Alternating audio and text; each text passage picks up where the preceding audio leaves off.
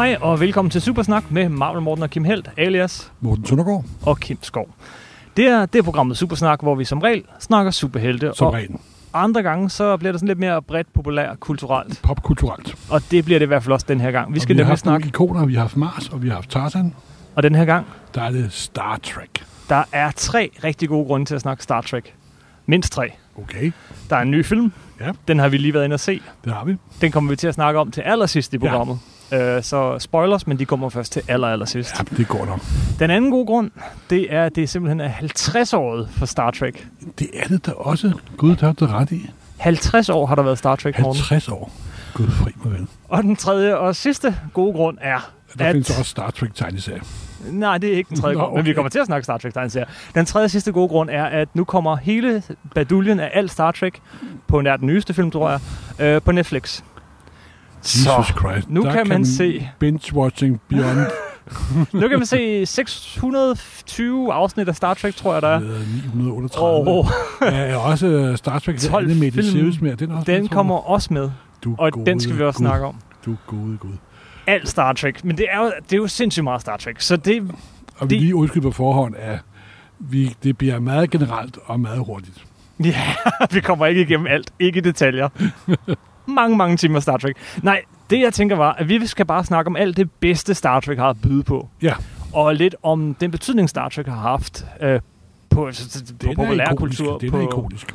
Ja, og vi skal snakke bøger og tegneserier, selvfølgelig tv-serier og film. Vi Ja. skal snakke alt, der er at snakke om Star Trek, men ganske kort. Vi vil kun fokusere på alt det bedste. Ja. Øh, og vi tager det nogenlunde kronologisk.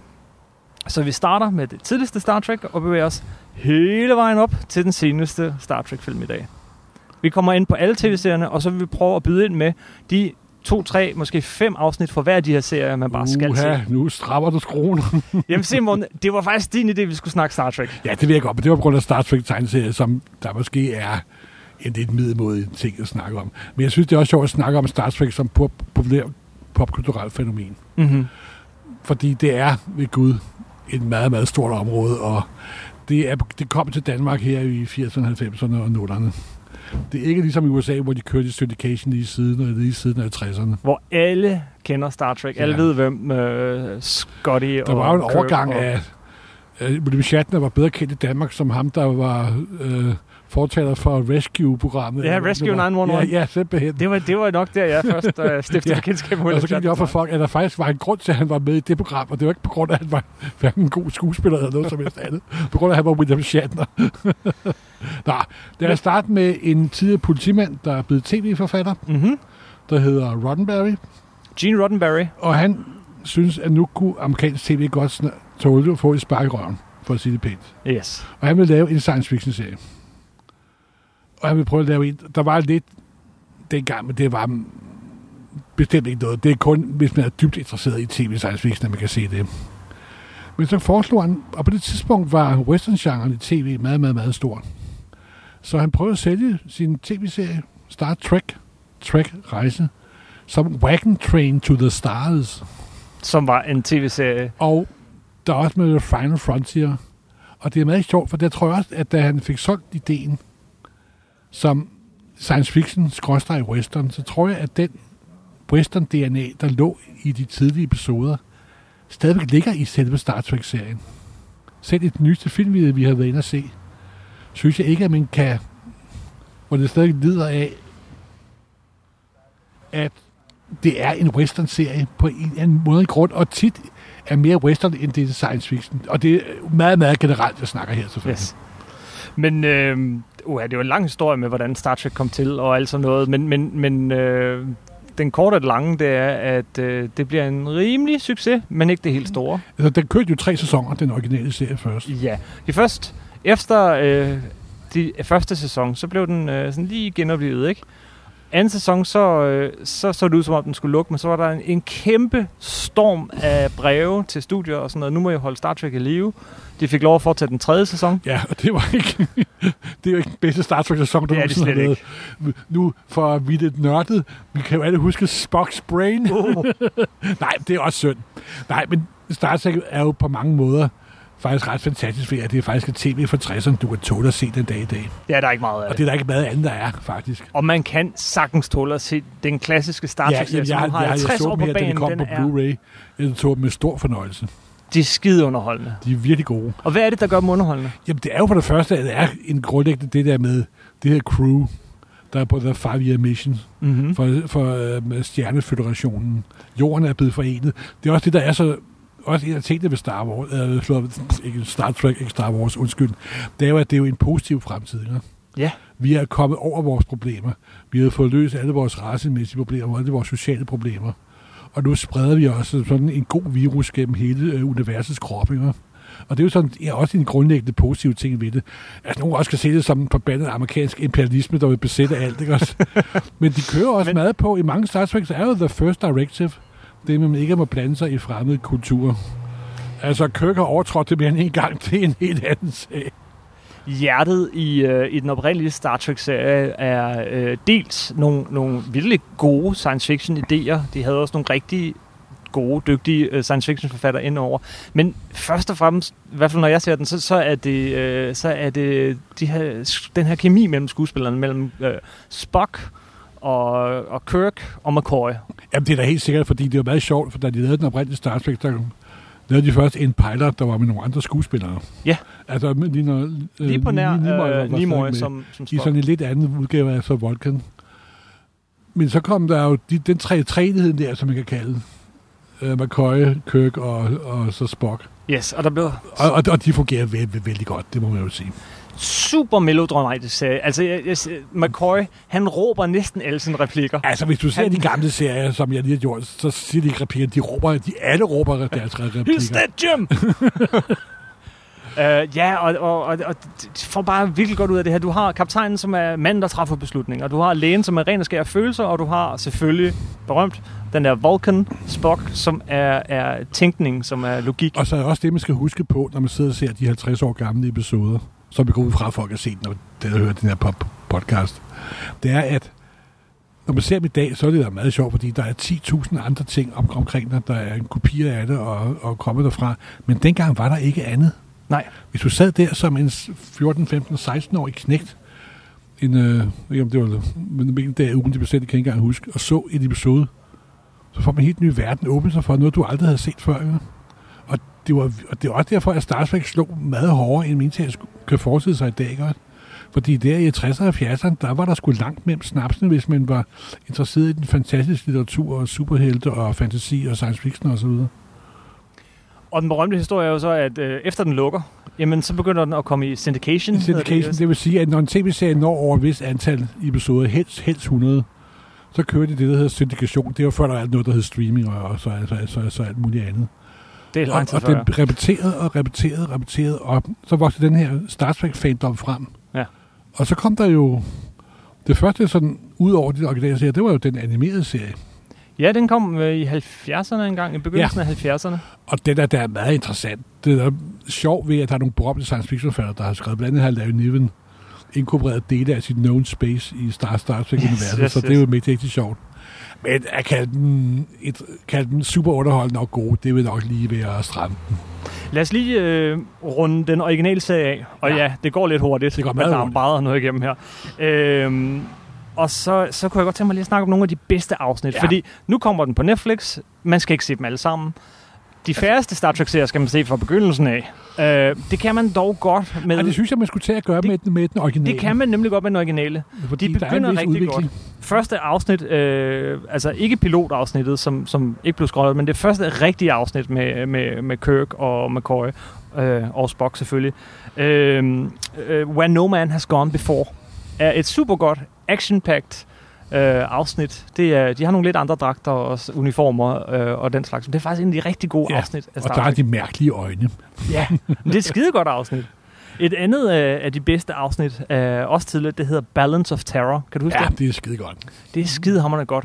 Det er, jamen, altså Star Trek er jo kendt for at blive, ofte blevet gjort grin med, at det bare er nogen, der står på, på, på broen og kigger på en stor skærm, og nogen, der står på et, øh, en, ja, en anden kulisse og kigger på en stor skærm. Og hele det her afsnit er virkelig to hold af kaptajner, der står og kigger.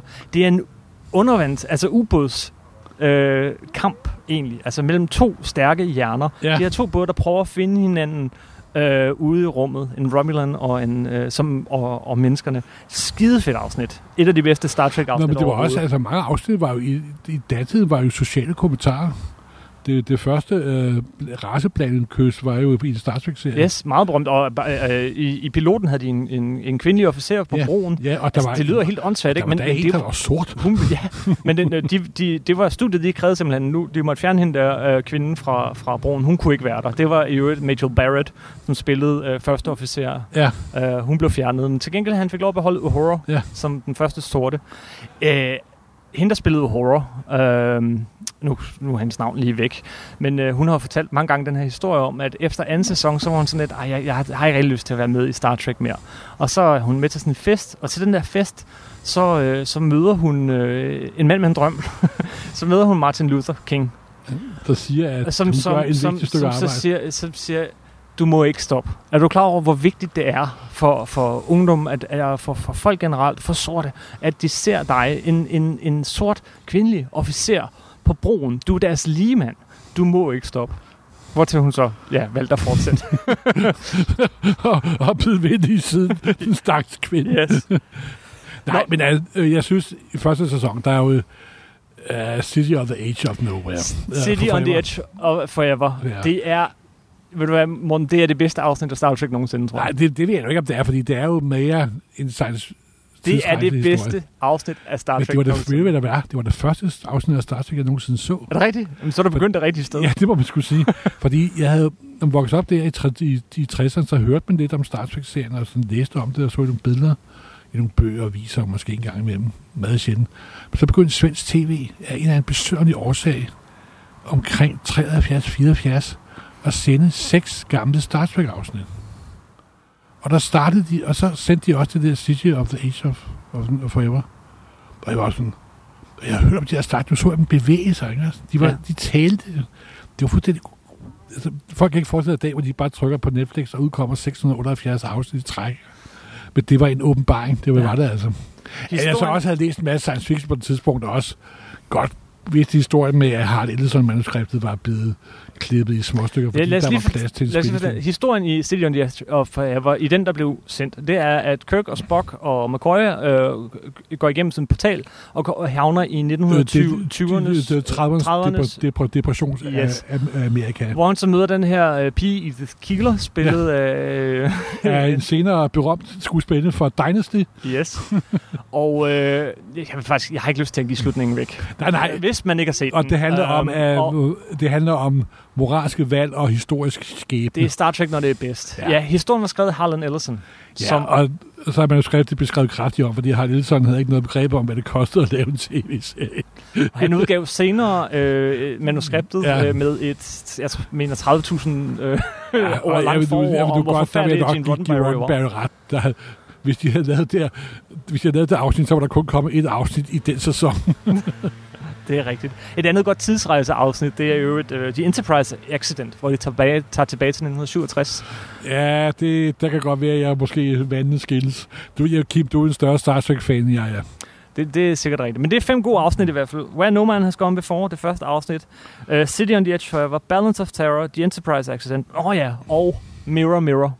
Ja, det er faktisk, det var faktisk, øh, det så jeg på litteraturvidenskab på et bånd, Ja, kan jeg huske, fordi der var nogle studerende, der skulle analysere modbydelige amerikanske tv-serier. Det var i den værste mukamarxistiske tid. Så fik jeg snedet mig ind for at se det afsnit der, mens de sad og rakkede ned på amerikansk imperialisme. Så sad jeg og, nød Kirk og, og Copperlin opførte sig som de rene fascister. simpelthen. hvad handler Mirror Mirror om? Det handler, at de ryger over det her mm, parallelunivers. Mm-hmm. Alternativ univers. Det er mere alternativ end parallel. Jo, parallel. Og øhm, hvor, jeg må sige på den måde, de opfører sig som romerske senatorer, der render rundt og stikker hinanden med knive hele tiden, og de er virkelig mod- modbydelige, og så videre, og så videre. Men så er der trods alt håb for menneskene også på den anden side. Og det, det er ganske vidunderligt afsnit. Det er det, det må jeg sige. Og det er også, det er også en god science fiction idé. Ja, den, ja, ja, og de tog den op igen senere i serien. Ja, simpelthen. Øh, Du nævnte lige uh, The Animated Series. Der går nogle år, ingen Star Trek, men det bliver mere og mere populært, og uh, Roddenberry får så igennem... Ja, så kommer kravet, og så laver, de en animeret serie, fordi det er jo meget bill- billigere i Den er Den er virkelig billig lavet. Altså, ja, det, er sådan jamen, noget, det er super limited animation. det er super, super, super, ja. super limited. Ja. Øh, med alle skuespillerne på nær en, og øh, ham, der spillede Chekhov. Men han skrev så til gengæld et enkelt afsnit om Spock. Øh, hvis jeg skal anbefale et afsnit for den tv-serie... Nej, jeg vil sige, se et afsnit, og, hvis, og, og så vil du sikkert ikke se andre afsnit end det her. Men der er dog et, jeg synes var ret godt, og det er øh, Yesterdays... Øh, Yester, yesteryear. Yesteryear, som er også sådan et tidsrejseafsnit, hvor Spock tager tilbage og møder sig selv som dreng. Jo, men tidsrejse er altid sjovt. Det er det, og Star Trek er god Og så er der også et afsnit, der som sagt er baseret på Landin's Known Space, der hedder Soft Weapon. The software. Det har jeg ikke engang set. Nej, jeg har ikke det- set alle de jamen, her er- animated film. Jeg det- kan ikke holde det ud at se. Nej, nej, de er, det er ikke noget særligt. Så var der en masse planer om at få øh, en ny tv-serie op at køre. Ja, det var meget senere. Det, fordi Ja. det er faktisk noget af det sjove ved Star Trek. En af grundene til, at vi skal tage det op i Supersnak, det er nemlig den her fankultur. Den, den vokser, og den vokser. Nye generationer. Øh, alle i USA vokser op med Star Trek i, i genudsendelser, ikke? Og øh, Gene Roddenberry, jamen han har, ikke, han har ikke kunne få noget som helst i værk efter Star Trek. Altså, han, har han, han fik også søsat nogle andre tv-serier, der ikke var specielt. Men han har fået lavet nogle piloter, men der, der kommer aldrig noget i gang. Men så han begynder simpelthen at opsøge de her øh, fan-conventions. Og det er jo netop convention. Altså nu har der lige været San Diego Comic Con og sådan noget, men Star Trek får øh, ikke begyndt, men virkelig sat fart på det her med, Altså, Star Trek er det, hvor det går op for skal vi sige, den normale befolkning, at det er, det er stort det her. Og Yes. folk begynder at tage kostymer på og møde op, og så begynder folk jo også at vil se de gamle, altså snakke med de her gamle stjerner, som de har set på, og så begynder stjernerne at finde ud af, at jeg kan da godt ofre en weekend på at sidde og skrive autografer til 50 dollar stykket, og, og så videre, og så videre. Øhm, Roddenberry, han gør det, at han virkelig begynder sådan at, at sådan prø- prøve at tænke strategisk med dem. Han tager ud, og så øh, laver han lidt Q&A, og så slutter han altid af med at sige, skriv, skriv ind til studierne, I vil have mere Star Trek. Skriv ind, I vil have mere. Og, øh, og, og han, øh, han har sådan et øh, gag reel, dem kender vi jo alle sammen for Ja. det materiale nu om dagen, men han har simpelthen sådan fraklippet scener med, med Spock og, øh, og alle de andre, som knækker af grin. Hvor de, går, hvor de går ind i døre, der ikke åbner sig, yes. og, så videre, og, det har Yes. alle set. Altså. Ja. Øh, det er så i hørt øh, kimen til øh, et kæmpe uvenskab mellem øh, ham, der spiller Spock, øh, og øh, Det øjne. Leonard Nimoy og, og Gene Roddenberry, fordi han er jo vildt sur over, at, at, at når han fejler og alle de her ting, at det bliver vist. øh, men, men, men det, det florerer Der var ligesom i nogle, mange der år. var det nogle der. egoer ombord på det skib. Ja, det det var var der. Det florerer i nogle år, og, og øh, ja, men tiden går, og, og, og så bliver, begynder der at blive Og så snak om der at lave noget andet en, jo. en- Så sker der noget, der hedder Star Wars. Jamen, først kommer snak om at lave en tv-serie. En ja, phase 2. Phase 2, som de kaldte det. Og den nåede ret langt Den nåede i ret langt. De fik bygget studier, de fik bygget rumskibet, de fik bygget det hele. Faktisk var der nogen, efter vi kunne lige vi kan hoppe tilbage og sige, at under 60'erne, da nogle af de tegneserier, som Marvel udgav, det var også baseret på Phase 2-ting. Nå. Så var meningen, og det, røg, og det røg lidt ud til siden igen, og det var sådan underlige ting, hister her og så videre. Så videre. Men lad os lige tage det bøger og, og tegneserier fra den her periode. Ja. Uh, Gold Key. Ja, de, de startede med at lave tegneserieudgaven. Og tro mig, de er ikke særlig gode. De var, flest af dem var tegnede italienere, der aldrig havde set nogen afsnittene. ja, han, han, øh, manglede, øh, han manglede et øh, headshot af ham, der spillede Scotty. Ja. Så han er Derfor i tegnet starten, fuldstændig så så det anderledes. ud. Og det er ikke særlig gode, gode tegneserier. Men der var nogle flotte malede cover, og der kom en 60-70 nummer i serien, og så videre. Og øhm, ja, det er ikke... Altså, Star Trek har aldrig været begavet med den, de store te- te- tegneserietalent. Det, med, Det har de ikke. Og så, men så udgav de, så, nej det var ikke Gold Key, men hvem det nu end var, så kom der sådan nogle fotonoveller. Ja, det kom så lidt senere, fordi man må regne med, at her, der var ikke noget, der hed DVD'er, eller videobånd, eller Netflix, eller noget som helst. Så det der med at, genopleve historien, men kunne, øh, der kom også nogle bøger, der hed øh, Star Wars Lock, hvor en... Star Trek. Star, ja, Star, nej, hold kæft, det bliver virkelig pinligt det her. Star Trek nok, hvor en forfatter, der hed James Bliss, havde lavet sådan en genfortælling af alle tv-episoderne. Sådan på en 8-10-12 sider. Der fik vi sådan en grundig del af plottet og så videre. Der kom der også de her fotonovels, hvor det simpelthen var ligesom øh, klippet om til en tegneserie, bare med billeder taget fra tv-serien. Og det var det eneste, man havde gang. Der var ikke noget, der hed videobånd, og det var sgu, nå gud, jeg kan, nu kan jeg endelig se Trouble Triple for første gang, og det var sådan, åh, det var, altså, det var vildt.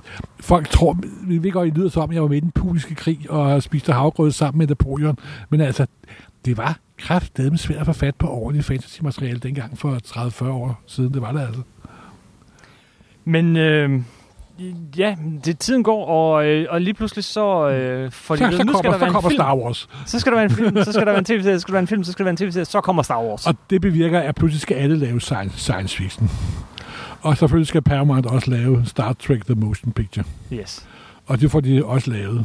Og den er jo meget stor. Og Den meget, og meget, meget lang. stor og meget lang. Og guddommelig røvkid. Altså for det første havde det kostet dem, jeg, så vidt jeg husker, 14 millioner, inden de var overhovedet begyndt at skrive et manuskript eller noget, fordi de havde bygget kulisser, at de havde gjort klar til at lave en tv-serie. Den skulle jo øvrigt starte et helt nyt tv-station, som det, Ja, ja, det blev ja, også droppet.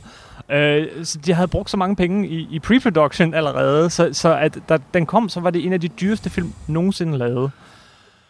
Og det var også en af de kedeligste.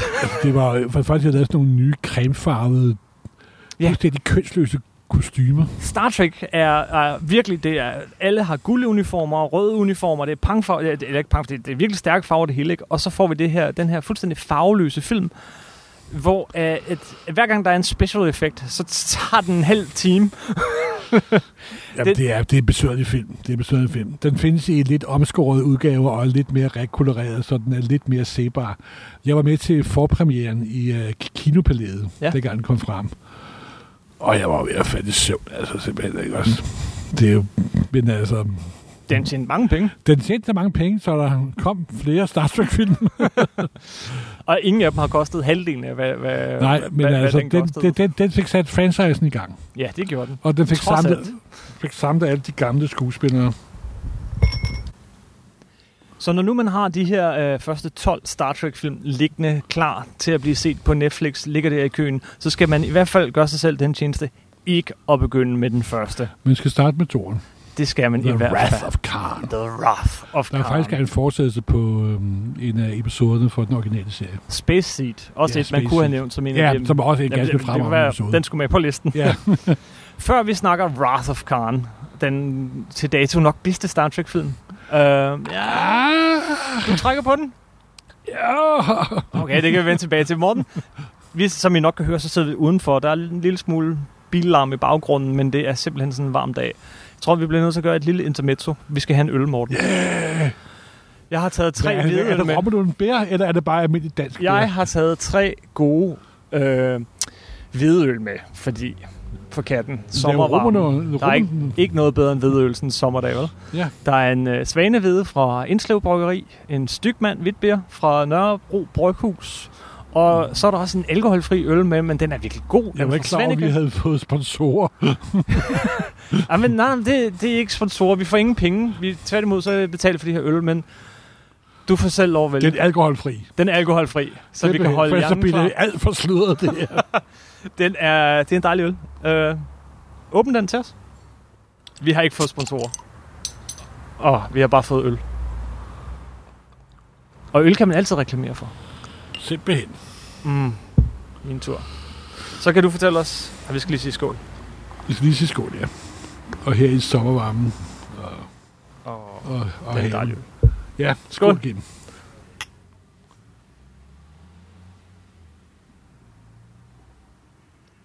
Ah, det er lettet. Ja, Nå, skal vi stoppe her, eller? vi er kommet til Wrath of Khan. Wrath of Khan, og det var jo... Og der skyldes en mand, der reddede hele Star Trek-franchisen, og det var en mand, der hed Nicholas Meyer. Yes. Og han var instruktør på den. Og han var i forvejen, altså i- min lille verden, kendt som ham, der har lavet en ganske udmærket Sherlock Holmes Prestige. 7% Solution, hvor Freud og Holmes, de opklarer et mor sammen, og Mycroft er med, og så videre. Og da jeg hørte, han var på, tænkte jeg, hmm, det kan sgu da godt være, at der er lige fra Og ganske rigtigt, for det første så omdesignede han kostymer til noget, der så farvestrålet. Som, og som lignede noget Og så sagde militært. han altså, lad os tage det gode fra den gamle tv-serie og proppe ind den nye film. Og ja, det er, det er da virkelig underholdende. Det er en super, super stram film, ja. øh, men den har også det, og det, det vil jeg næsten ikke nævne vel, men det, som gør Star Trek til Star Trek, den har, selvfølgelig har den action, og den har de sjove karakterer og sådan noget, men den har også, den har et tema. Star Trek skal have et tema. Et moralsk eller, tema. øh, eller det skal være en allegori over noget. Øh, det, It was the best of times, it was the worst of times, så han vil Ja. citere Dickens i som han jeg citerer i, i starten. øh, ja, både første og sidste sætning fra Ja. den bog øh, bliver citeret i... Øh, The Tales of Two Cities. Ja. Og den, øh, jamen, den begynder jo med, at øh, de, de siger, jamen, vores folk her, de er ved at være oppe i årene. Øh, jeg mener, William Shatner var 50, da han spillede hovedrollen Yep. i uh, Wrath of Khan. Og den begynder med Kirks 50-års fødselsdag, Simpelthen. hvor han bliver givet Tale of Two Cities og et par læsebriller. Ja. Øh, og den handler om, om, om det, at man skal dø en dag, og det at blive gammel. Men det er jo ikke det, den handler om. Men det er bare sådan et overordnet tema i Ja, filmen. filmen slutter jo også med så videre, hvis nogen dem, der ikke har set den. Ja, det er nok svært ikke at vide. Den, den slutter med den bedste dødsscene. En af de bedste dødsscener på film overhovedet. Det er simpelthen umuligt ikke at blive rørt. Jeg har set den film så mange gange. Film nummer Men- tre hedder jo Search for Spock. You have and forever shall be my, friend.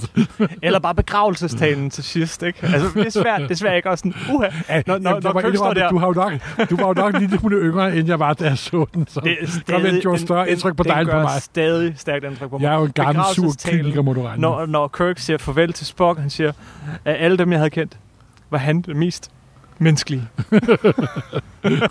Ja, du har altid været en softie. Der er en lille trilogi i de her film, ikke? Ja, 2, 3 og to, tre 4 og fire. udgør en lille Så trilogi. Wrath of Khan, Search for Spock og The Voyage Home. Ja, Det er faktisk tre afsnit af en god gammel tv-serie, lavet op til film. det kan og det man er også derfor, sige. de er så gode. Træeren måske ikke helt lige så god som 204, men, men, men slet ikke så dårlig som Nej, den men jeg, jeg, jeg synes, det er en udmærket lille tri- trilogi, og, den, og de havde bragt essensen fra den gamle tv-serie over. Og firen, firen gjorde det fuldstændig uventet, at den blev en kæmpe succes. Den, den tjente dobbelt så meget ind som nogen foregående Star Trek-film. Den blev øh, mainstream hit. Ja, Øh, det er den, hvor de tager tilbage til nutiden. for at fange valer. Det er, hvaler. plottet er middeltalt besynderligt. Plottet er virkelig, men, men den handler om, at de har, vi har vores Captain Kirk og Spock og alle de her, men de kommer så tilbage til nutiden, som så er 84, tror jeg, 88. Jeg tror deromkring. bare, den scene i bussen, hvor Kirk han ordner punkrockeren med den der ghetto-plads. Jeg tror, det var det, der gjorde Det er filmen Spock, populær. det er Spock, Ja, ja, ja, Spock, ja. Så der- Med sin Vulcan nerd Ja, pinch. What, what does this mean? Exact change? Eller, der er så mange gode Jeg tror faktisk, det er det der, og han og Scotty sidder foran en Mac og taler ind i musen. Og sådan. Ja, han tager mus op. Jo altså, jeg, computer. jeg, tror faktisk, det var det, der gjorde filmen populær, for det er faktisk også pisse Den er virkelig sjov. Og det er også lidt det, som der måske også gør Star Trek, at du har set i dag. Det er også den selvironi, den har. Ikke? Ja, Den tager jo ikke selv 100% af alvorligt, ven. nej. Og det er en meget god ting. For folk, der tager sig selv meget alvorligt, så ender med, at man sidder og ser Superman mod Batman. Det er så sandt. Og det skal man lade være med. Så uh, Star Trek, de, they were on a roll, som de siger. Uh, og det kørte bare, det var succes på succes på endnu større succes. Ja. Og så skulle man tro, det fortsatte, ikke? Men Jamen, så kom i Star Trek 5. 65 Shatner til at lave en film. Det skulle de aldrig have gjort. The Final Frontier, så vidt den hedder, ikke? The Final Frontier, som er... Øh, ja, de Ja, vil finde... Den, den eneste, jeg kan huske på den film, det er, at den har et af mine yndlingsoversætterfejl. Den Ja. blev sendt på dansk tv på en kanal 28.5, eller hvad du hed dengang. Der sidder de i starten og rester marshmallows. Ja. Men der har over danske oversætter ment, det var sgu for ordinært. Så på dansk sidder de og spiser marshmallower. Den handler... Det er faktisk en god Star Trek-idé. De, de skal møde Gud, så vi kan huske. Jamen, de, de, de prøver at finde Gud. Ja. Og det, det er jo egentlig en okay, sjov Star skal man Trek-idé. skulle finde en mand end Shatner til at sætte til, vil jeg sige. Ja, og, og Gud, han ligner så sådan en...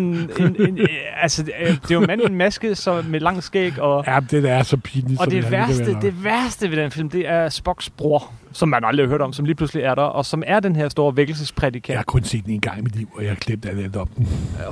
Du skal ikke se den igen. Nej, det har jeg ikke tænkt mig. Den, og, og- den har, altså den har en, modsat nogle af de andre Star Trek ting, som får også en dårlig ry og sådan noget, så det her er fuldt fortjent. Det er virkelig en dårlig film.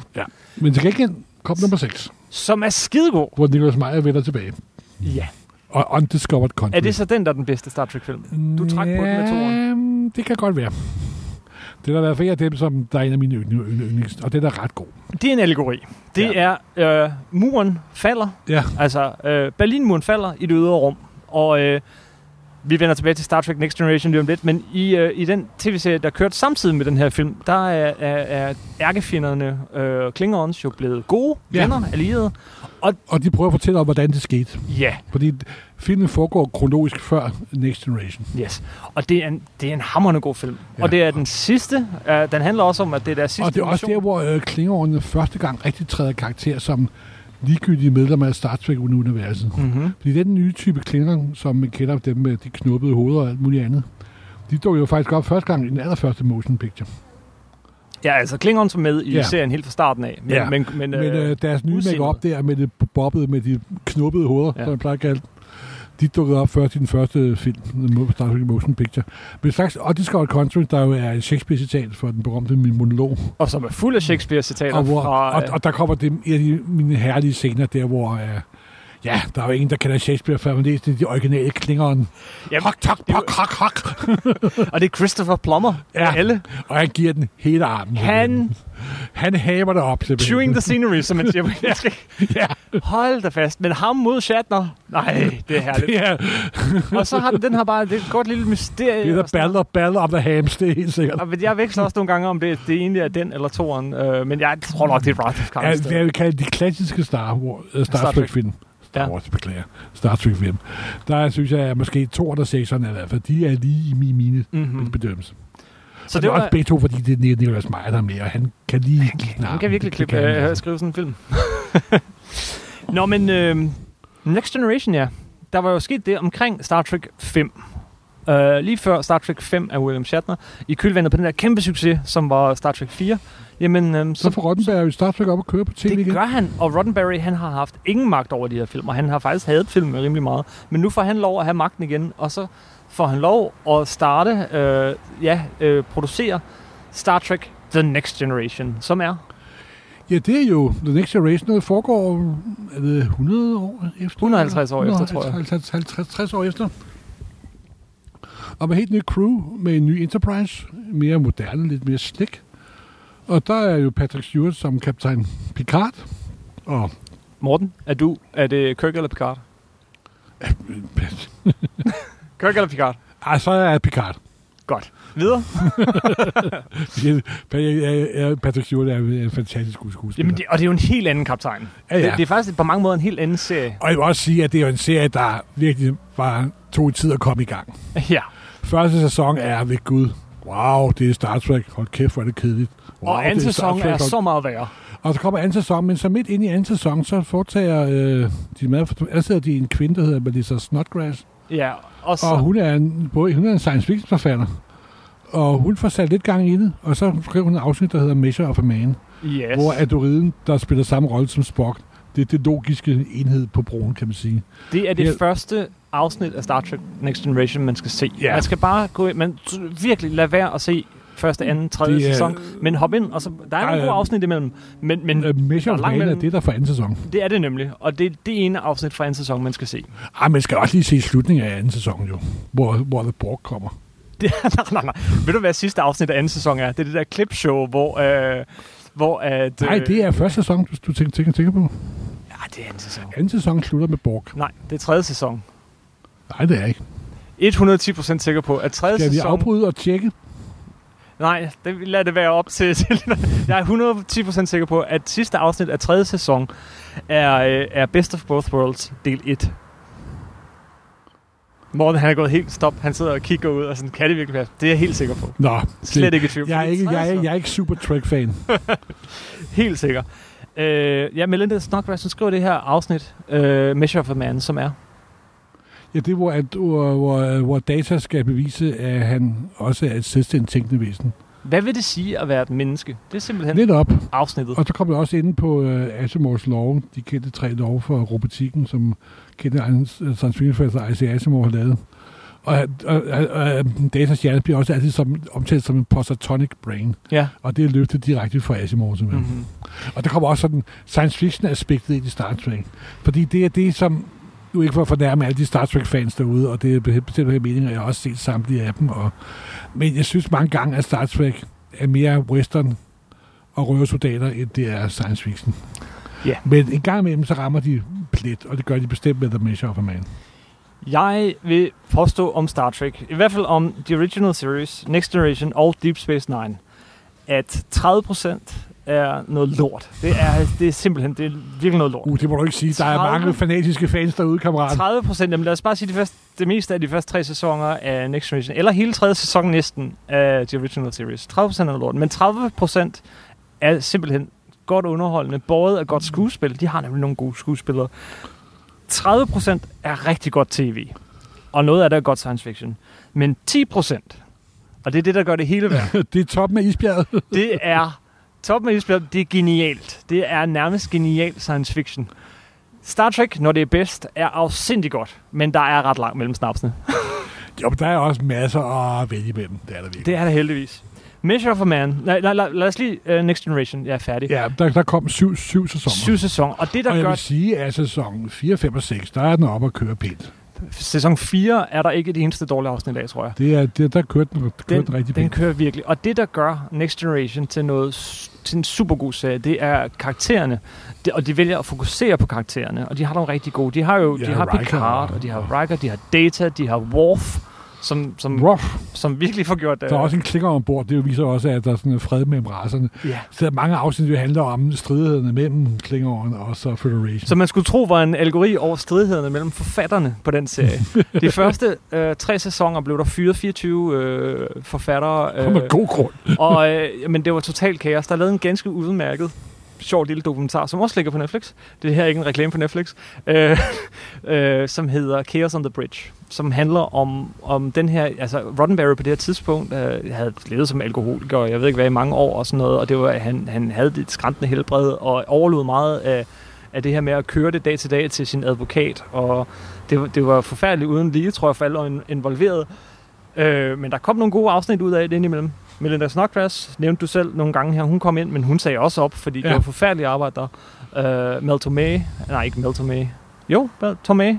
Nå, forskellige, forskellige gode forfatter kom ind over, men det var først i fjerde sæson, og faktisk, altså nu fornærmer nok nogen, men det er først, da Roddenberry giver slip, at serien virkelig kommer i gear og bliver rigtig, rigtig god.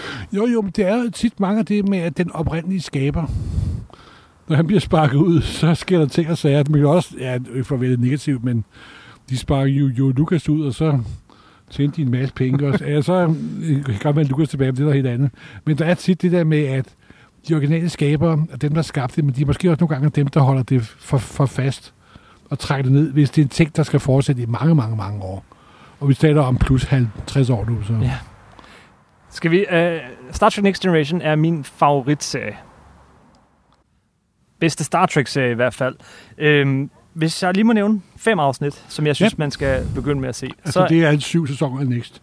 Det, nej, ja, ja, altså, de syv sæsoner af Next Generation, der, ja. der er fem afsnit taget fuldstændig fra forskellige tidspunkter der. Og jeg tror, du kender dem alle sammen rigtig det godt. Det gør jeg for, forhåbentlig. Measure of a Man, som ja. jeg har nævnt. Uh, Best of Both Worlds. 1 og 2. 1 og 2, og det er særligt lidt, der er god. Den, den er jo også en tv-historisk ret væsentlig. Altså, øh, den ender jo på en gevaldig cliffhanger, og folk, det jo, folk troede virkelig, at øh, nu ville Picard blive fyret, eller Patrick Stewart, og uha, men det var en af de, de første sådan rigtige cliffhanger. Og der er de også op mod en, en rigtig klassisk science fiction, det er de op mod The Hive Mind. Ja, Eller The Borg. de onde kommunister. Yesterday's Enterprise. Ja. Skide godt afsnit. Som der fik konsekvenser. Det gjorde der. Øhm, The Inner Light. Kan du huske den? Mm, er det den der, Rigtig... hvor på Sindssyge Hospitalet? Øh, nej. Jo og nej. Den ideen, også en god science fiction idé, er sådan set, at Picard, han bliver, der kommer sådan en rumsonde, der rammer ham, og så gennemlever han et helt Ah, han liv, sidder og spiller fløjte til sidst. Menneskeliv, ja, ja, og den, ja, det kan, den ja, ja, slutter så poetisk med, at han sidder og spiller fløjte ja, derude. et helt liv i løbet af et, af et nanosekund. Yes. Uh, Chain of Command, synes jeg også er et rigtig godt afsnit, hvor han bliver tortureret. Ja. Uh, godt dobbeltafsnit. Faktisk næsten alle dobbeltafsnitten af Next Generation ja. er, er Men godt også lide uh, Star Trek, når de kørte som det, jeg kalder deres politiske plot hvor det sådan var intriger de forskellige raser og organisationer imellem. Og selvom det måske ikke var specielt science fiction så fungerede det, det rigtig godt, synes jeg. Det var, det var rigtig godt crew, det der, i det, i det hele taget. Øh, men omkring øh, 4. 5. sæson, så begyndte der en anden Star Trek-serie. Star Trek Deep Space Nine. Ja, og det var jo, hvor de prøvede noget andet. Nu, i stedet for at Star Trek, hvor ordet Trek betyder jo at rejse og vandre ud over udforske ting, så var det Deep Space Nine en stationær station. Og hvad deraf følte med diplomatiske problemer og småkrige. Og, og der var også en, øh, en øh, Cisco, som øh, en sort commander. Ja. Som der var, de havde, de lavede så lille for, forhistorie i, øh, med Next Generation for at føre over til ham, og Picard var med i første afsnit. Og den kørte okay, synes jeg. Den havde nogle bombs op og ned. Men der var nogle rigtig gode øh, bi- bipersoner. Der var Odo, der var sikkerhedschefen, Yes. Der var, og der var Ferengierne. ja, og der var Bashir, lægen, Ja, er super Bashir, lægen. sjov. Og, Og ja, det var et rigtig sjov persongalleri, faktisk. Yes. Og også mange bifigurer, fordi skal man sige noget lidt, jeg ved ikke om det er dårligt egentlig, om, om Original Series og Next Generation, så er det, at de tager et sted hen, løser problemerne, eller skaber nogle problemer, og så er de et andet sted Jamen, næste de er episodiske. Men simpelthen. i Deep Space Nine, jamen, de flytter sig ikke. Nej. Så konsekvenser af det, der sker, det bliver hængende. Og den har, øh, især de første sæsoner, handler rigtig meget om religion. Det gør også nogle af de sidste. Øh, Med The Bajons og, der. og, ja, fordi de, de kommer nemlig til sådan... Med profeterne. Prof- Og den gate, der har åbnet sig, Ja, og så ja. videre, og så videre. Så det, er- den, den, den udforsker noget territorium, som Star Trek ikke havde udforsket på det her Nej, tidspunkt. nej, nej, men det var også helt tydeligt, at der var sådan... Øh, det var nye plot og nye historier og, og nye impulser. Den bliver stadig mere øh, sådan seriel. Øh, og det hænger mere og mere sammen i løbet af tv-serien. Og ja, så er der stadig flere bifigurer. Der er et hav af bifigurer. Min yndlingskarakter, tror jeg, for den serie er Garrick. Ah ja, Kan du huske ham? ham der var skrædder. Skrædder, ja. Han var bare en skrædder. Eller var han Ligesom super skrædder agent? fra, eller? fra Panama. ja. ja, det havde jeg aldrig tænkt over. Jo, jo, jo, jo. De er altid skrædder, det ved du jo. Ja, ja. øhm, jeg havde nok, jeg tror, indtil for nylig havde jeg nok sagt, at Deep Space Nine var min yndlings Star Trek Jeg mener om, jeg så den igen for nogle år siden, Og det gjorde jeg også, den fejl. og den forekom noget datet. Der var selvfølgelig stadig et par, hvis jeg må sige, mine to yndlingsafsnit. Ja. Og det er nok et yndlingsafsnit, fordi de ikke rigtig er Star Trek, men mere er, der er hedder My Name is Bashir, Ja, Hvor- Our Man Bashir. hvor igen det er også så en af de ting, der blev introduceret i Next Generation, det var det der holodeck. Ja. Som der blev misbrugt og brugt. En god, dårlig forfatter misbrugte det, og gode forfatter brugte det godt. Og der kunne man gå ind og møde alt lige fra Sherlock Holmes til Robin Hood og også James Bond. Yes. Og der er så det Star Trek-afsnit, hvor Bashir spiller James Bond, og de andre er skurke, og det er ren skæg og ballade, men det er faktisk ret morsomt. Hvor er det herligt, du nævner det afsnit. Det, øh, det er det første afsnit af Deep Space Nine, jeg så. Okay, jamen Ja. så er det. Og så er der altså det der vidunderlige afsnit, hvor de rejser tilbage i tiden, og bliver involveret i Trouble with Triple-historien. Ja, A tri- triple and Tribulation, tror så jeg. tror Deep Space det. Nine øh, tager tilbage og møder, Ja. øh, øh, er, er simpelthen en del af det klassiske altså ligesom, de, øh, Original Series ligesom øh, afsnit. Back to the Future 2.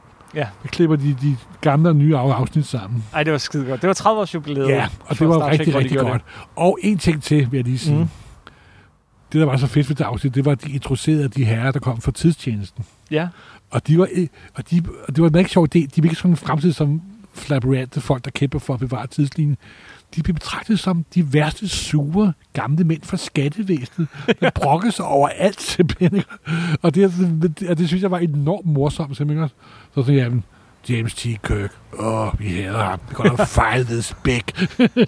det er et rigtig godt afsnit. Ja, Det er også sådan en serie, som først for alvor bliver god lidt sent i forløbet. Den bliver god, når øh, Captain sige, at- Sisko bliver skaldet. ja. Netop, Og- Cisco og- klipper håret af, og øh, faren fra den anden side af Stargaten dukker op. Ja, The Dominion. Ja, Dominion nemlig, og Odo. Og, og der kører den faktisk rimelig godt. Den, den øh, ja, og, men det var som sagt, den blev mere og mere seriel, og den brød nye grænser, og, og det var, altså i dag er alle tv-serier nærmest en lang fortsat historie, men det var, det var ret nyt. Det, og man skal det igen have det for hovedet, at vi lever jo i tv-seriens gyldne alder. Og det gør, at vi i dag, vores, kre, vores kreative sanser, vores smagsløg er blevet forstærket og bedre, og ting, som jeg vil med intens fornøjelse at sidde og set for 20 år siden, vil jeg knap nok Mhm. gider ikke engang åbne for mere, vel, fordi der er så kæmpe udbud. ikke? Så Og, hvis og man, det gør også lidt med Deep Space Nine, at den, den, den, den, den haltede lidt, synes jeg, da jeg så ja, og især faktisk, fordi at den ikke altid tør det der med at være fortsat. Fordi det var jo nyt og sådan noget, så indimellem, så, så, er, der, så er der det, som jeg tror er meget populært blev kaldt for fyldeafsnit. Indimellem ja. historien om The Dominion, så er der en masse ligegyldige afsnit, som man bare gerne vil igennem, så man kan komme videre med den her Dominion War. jo, Men jo, de det var afsnit også, er stadig rigtig gode. Problemet var også, at tv-kanalerne ikke sendte dem den rækkefølge, som stationen bad dem om. ja, det, det er problemet heldigvis ud over nu. Men, men, øh, men s- jeg vil altså stærkt anbefale øh, Deep Space Nine kun at se de afsnit med Dominion. Ja. Bare springe alt andet over. Man kan sikkert finde en liste et eller andet sted. Øh, det Nå, men gør jeg, altså, og Dominion de er dukkede op i slutningen af tredje sæson, så vidt jeg husker. Ikke? Ja, men det er først lidt senere, at krigen Ja. går i gang. Ja, ja. Og, øh, og der er også ham der, den der Vorta, hvad han hedder, som er super sjov. Ham fra Reanimator spiller. Ja, ja. Kæft, han er sjov. Øh, fem anbefalinger, det vil jeg også gerne komme med. Trials and Tribulations var også en af mine. ja, og My Name is Bashir. Den havde jeg ikke med, men jeg havde til gengæld uh, The Visitor. Kan du huske den? Også et meget atypisk uh, Deep Space Nine afsnit, men, men uh, og hvor at, øh, hvor at øh, Cisco ligesom bliver fanget i sådan en tidsting, og så følger man Nå, hans søn. ja. Oh, det var meget sentimentalt, synes jeg. Okay, jeg synes, øh, den er sentimental, men, men på mange lister vil den altid være på sådan top 10 år, en af de 10 bedste afsnit af Star Trek helt I, generelt. nogle, I nogle sentimentale slop i Star Yes. Trek-fans er I altså. In the Pale Moonlight er en del og er ægte Deep Space Nine. Og den handler, det foregår under Dominion-krigen, og den viser, hvor langt vil Captain Sisko egentlig gå for at vinde. Nå, Det viser sig- ja, Han vil gå meget langt. det kan jeg godt huske. Meget, meget dyster. Jeg tror aldrig Star Trek har været så dyster som det afsnit. Uh, The Wire, som er fra, jeg tror faktisk første sæson med Garak, som handler om, at han har fået indopereret den her, der giver ham øh, dopamin, eller, eller noget lignende. Øh, også et super godt afsnit, som handler om Garak. Og, øh, og han er en super god skuespiller. Og så Far Beyond the Stars. Også rigtig godt. Skal vi hoppe videre til Voyager? Ja, Ja, ja og den... ja. siger du. Ja. og jeg vil, altså som sagt, jeg er ikke Star, Star, Star Trek fans. Fan. Jeg har set mange af dem, og også set med og jeg har set det, men Voyager synes jeg var et, var et, var et lavpunkt. Hvor Deep Space Nine og Next Generation brød helt ny grund, så gjorde Voyager det stik modsatte. Ja, det var sådan, Det var de, Skridt de, tilbage, prøvede, de prøvede på at genopfinde Next det, den Generation. oprindelige formel. Ja, eller Next Generation nærmest, ikke? Og øhm, Ideen er jo sådan set god. Den handler om, at det her øh, rumskib havner øh, 80.000 lysår væk ja, og skal tilbage. jo, men, men, bare den men, plot device, der gør jo, at Simon, kan de ikke finde ud af at komme tilbage? Hvad er det for et identity crew? Jamen, det vil jo tage 80 år at komme tilbage i lige linje. Men, men altså, den, der sker ikke en skid. Altså, det, det er igen jeg synes det der heller ikke, at de- valget er skuespiller. Altså, skal Nej, det er det store hende- problem. Det er der spillede Captain Janeway, som der sådan set er en OK tv-skuespillerinde. Hun var blevet erstattet et par uger inde i produktionen. Ja, så, ja, så den oprindelige gruppe var faktisk blevet castet omkring en anden skuespillerinde. yes. Men kvinde, det var udmærket det at få en kvindekaptajn. Det var bestemt på tide. Men jeg synes aldrig rigtig... Altså, jeg ved godt, det lyder irriterende, men hun har sådan en irriterende stemme. ikke? Og det, selvfølgelig skal man ikke bedømme folk på det, og det er dybt, dybt uretfærdigt, men jeg, jeg bliver aldrig varm på, på, på Voyager. Der var en periode i 3. og 4. sæson, hvor der var sådan en lidt længere historie med nogen, der havde overtaget skibet og modstandsbevægelser og sådan noget, der var ok. Jeg tror, det var to afsnit, men ja. Og når Q dukkede op en gang imellem, ah, han der super nej. intelligensen for øh, første afsnit. af Jamen, han, var, han var god i Next Generation. Han var heller ikke god i Voyager. Det kommer simpelthen det, der gjorde Voyager så tåbeligt. Så havde der sådan en Q-afsnit, så siger Q til Janeway, skal jeg ikke sende jer tilbage? Nej, min besætning skal fortjene at komme hjem igen. Og, Idiot! og så tænkte jeg, hold kæft, hun er jo rygende gal, kendingen simpelthen. den værste kaptajn nogensinde. Ja, the worst captain ever. og jeg vil da Ja. også lige sige, at når serien slutter, og de vender hjem, Mm. Så er der ikke klip af, hvad der foregår inde i på kommandobroen. Nej. For jeg forestiller mig, at samtlige de mennesker på kommandobroen, der ikke er Captain J-Mac, kaster sig skrigende over hende og river hende i småstykker. Den serie, den... Øh, ja. Ja. Og, jamen, og Janeway er faktisk et af, de, et af de store problemer med den serie, det er nemlig, at man- ved aldrig, hvor man har hende. I et afsnit som sådan, vi kan ikke bryde uh, The Prime Directive, vi kan ikke blande os i Hun fremmede er kulturer. rygende gal. Og i næste afsnit, så gør hun det bare. She uden, totally off the his uh, rockers, de simpelthen. får aldrig nogensinde defineret den figur. Nej, nej. Og alle de andre, der er en undtagelse. Ja, det er hologrammet. Ja, The Doctor. The Doctor er super, super sjov, og Ja. afsnit med ham er gode. Ja. Men, men det, Star Trek, bruger de også i senere Star Trek serier. Star Trek lever på at have nogle, et godt hold af skuespillere, og det har de bare ikke. Nej, nej. De får det, senere hende der Seven of Nine, som Jamen, det er jo fordi, der skulle noget... Der Ja. skulle nogle babser på broen for at sige lige ud. er at holde dig fast. Altså, det er jo, det er jo fuldstændig... Øh, Ja, ja. Hun er vulgær at se på. Men, men, men, men hun havde nogle gode historier. Historierne med hende, som er en borg, der bliver assimileret af mennesker, Ja. er faktisk rigtig gode, og der får den lidt fornyet energi. Nå, men altså, Star Men det er Trek meget har altid været serien. god, når de sådan prøver at lave analogier til, at vi, at vi alle sammen skal være her, og så videre, og så videre. Ja. Men altså, det, det bliver aldrig top på, på min liste, liste. Men jeg er sikker på, at der er nogle fanatiske Voyager-fans derude, der er i gang med at prøve at få os Acid slået ihjel for, for øjeblikket.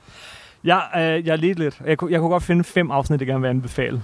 Øh, Er Voyager? Jamen, det kan jeg godt, for der er nogle udmærkede afsnit igennem.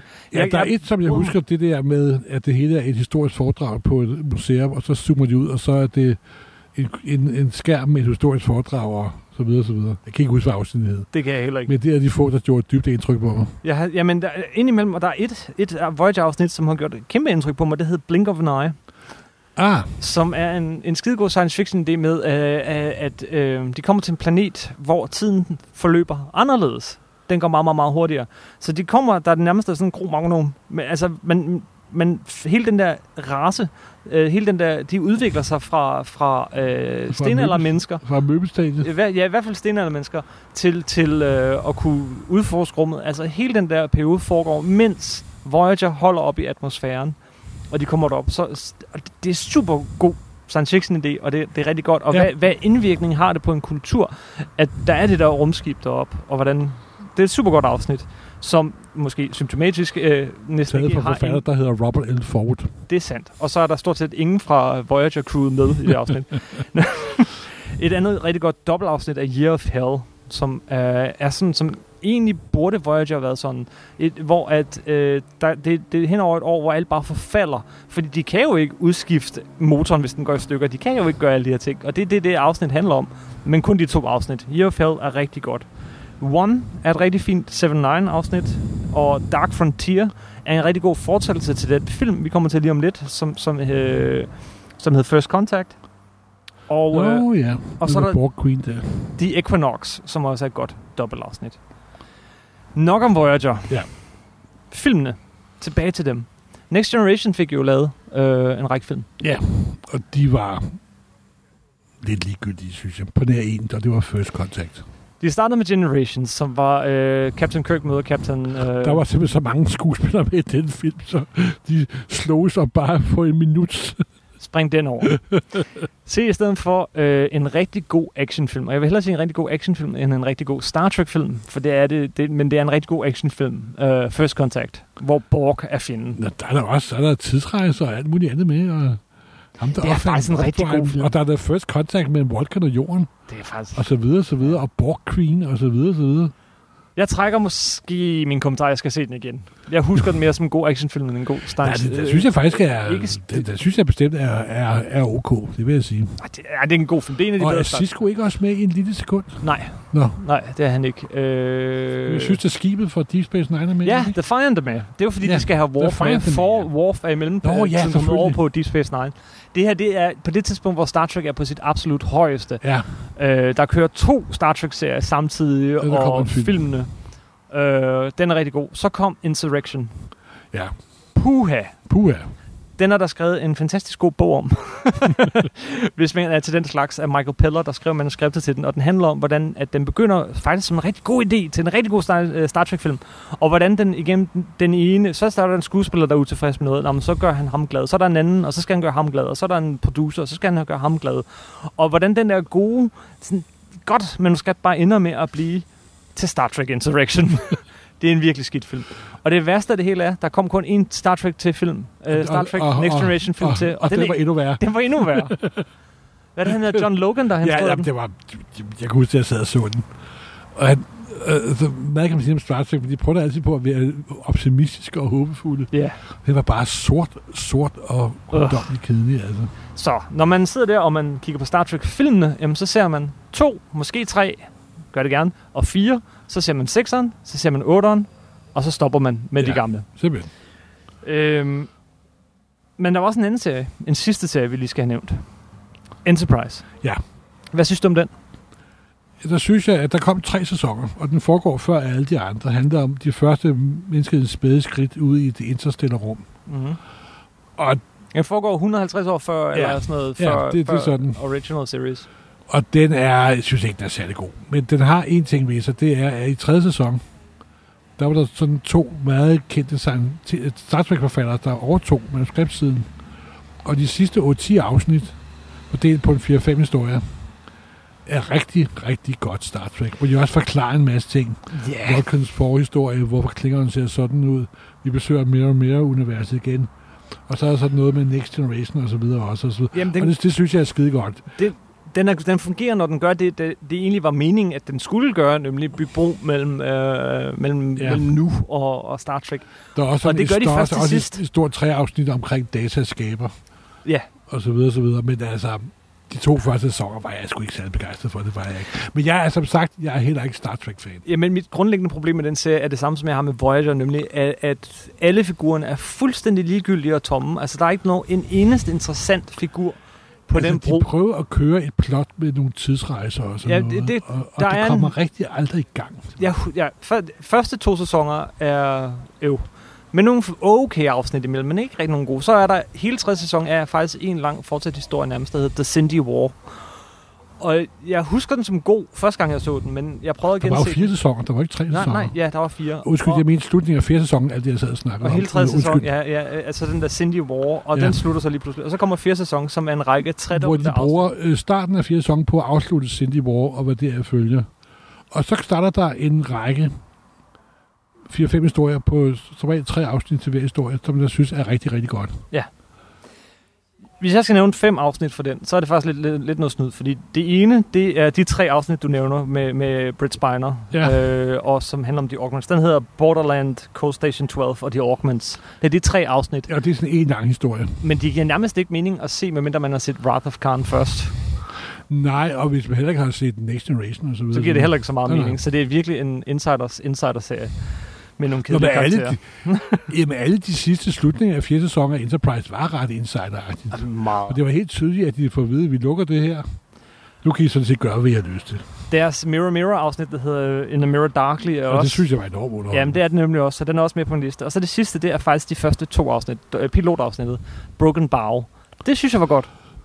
Det allerførste afsnit, hvor de blev først Jo. sendt afsted, Jo, og jo, de, jo, de, der var den de der fornemmelse af, øh, at nu Klingons starter vi på noget første nyt. gang. Ja, netop. Og hvordan jorden var den her lidt uprøvede nye dreng i klassen.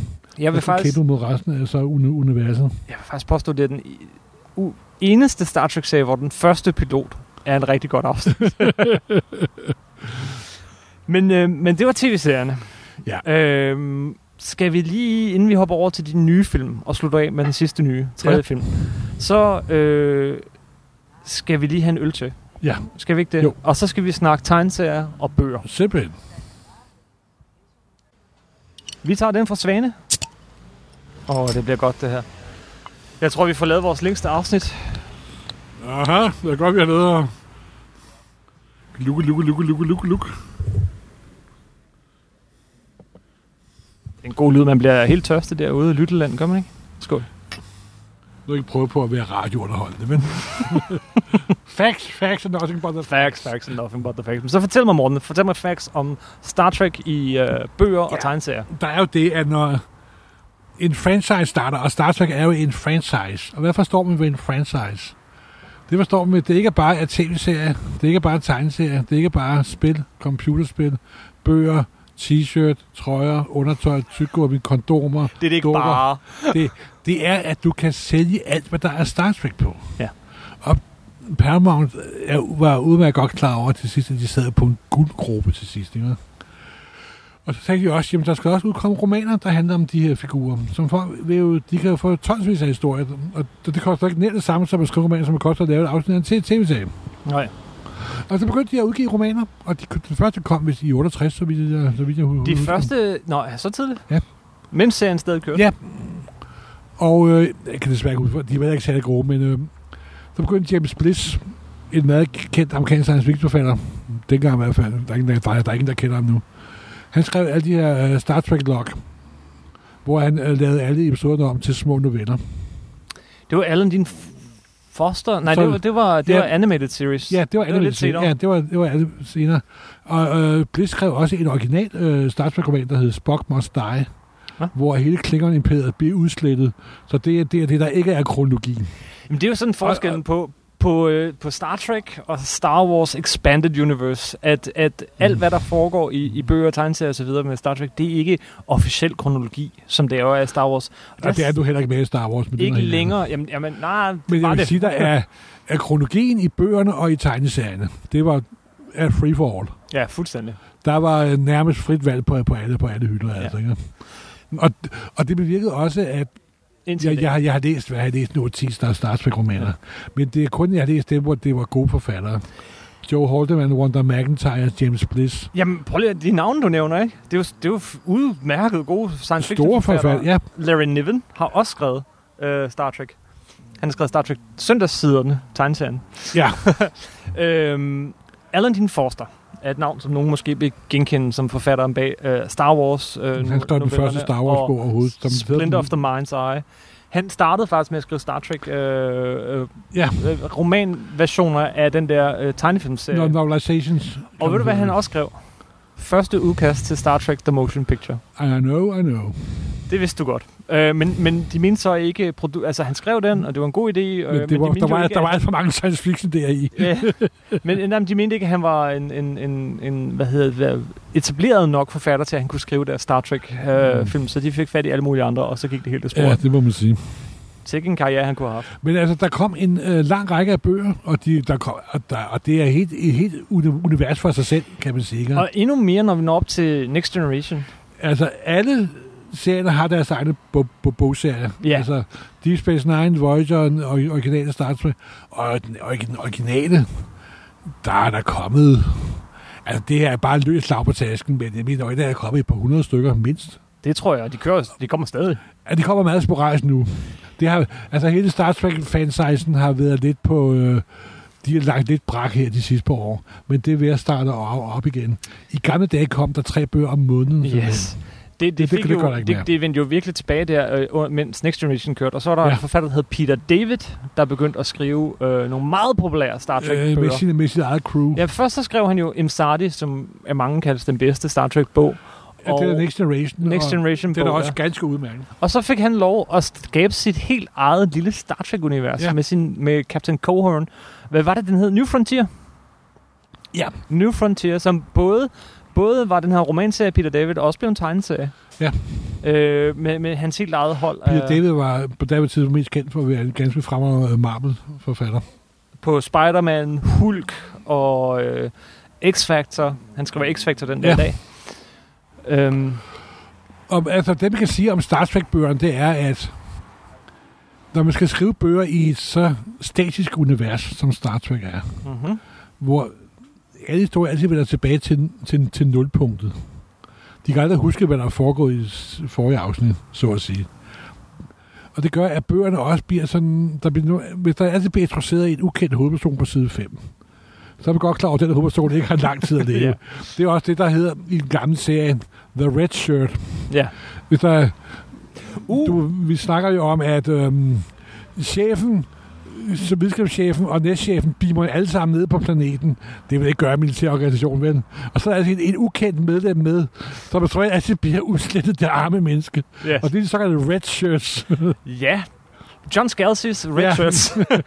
øh, en, den bedste Star Trek-bog er ikke en Star Trek-bog, men en bog af John Scalzi, som vandt øh, Hugoen for hvad er det, 4-5 år siden, eller sådan noget.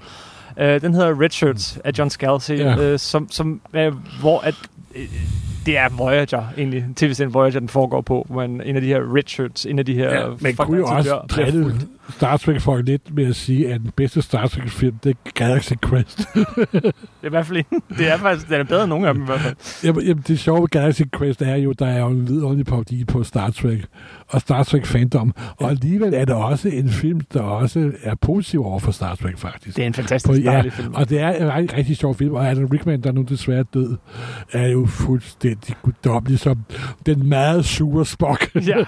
Åh, oh, den, den her, det er. og Sigourney Weaver med blond på peruk. Oh, ja. Det skal vi, og den er også på, på Netflix. Yes, yes, yes. Hvis Og vi ikke får penge- der er altid forrevet t- Ja, ja, hvis vi ikke får net, penge fra Netflix til den her podcast, så er noget Det burde galt. vi efterhånden, ikke? øhm, ja, den er rigtig god. Men med bøgerne, du siger, det er statisk og sådan noget, det, det er faktisk ikke helt rigtigt, fordi efter Star Trek uh, Next Generation filmene stopper, Nå ja, men så fortsætter de, og så, så fortsætter der- bøgerne. Ja, og, og så må, kan de gøre lige med lige med lige og de får lidt en revival. Altså, Ja. uh, Deep Space Nine bliver også fortsat, hvor Ro Laren, en, en kendt bifigur, ja. uh, bliver kaptajn. Og, uh, og uh, der bliver lavet en, en, en række af de her bøger. Peter David skriver, det der i mine øjne, på et tidspunkt i hvert fald, var en slags afslutning på både Next Generation og uh, Voyager, uh, som, som var en ganske udmærket bog.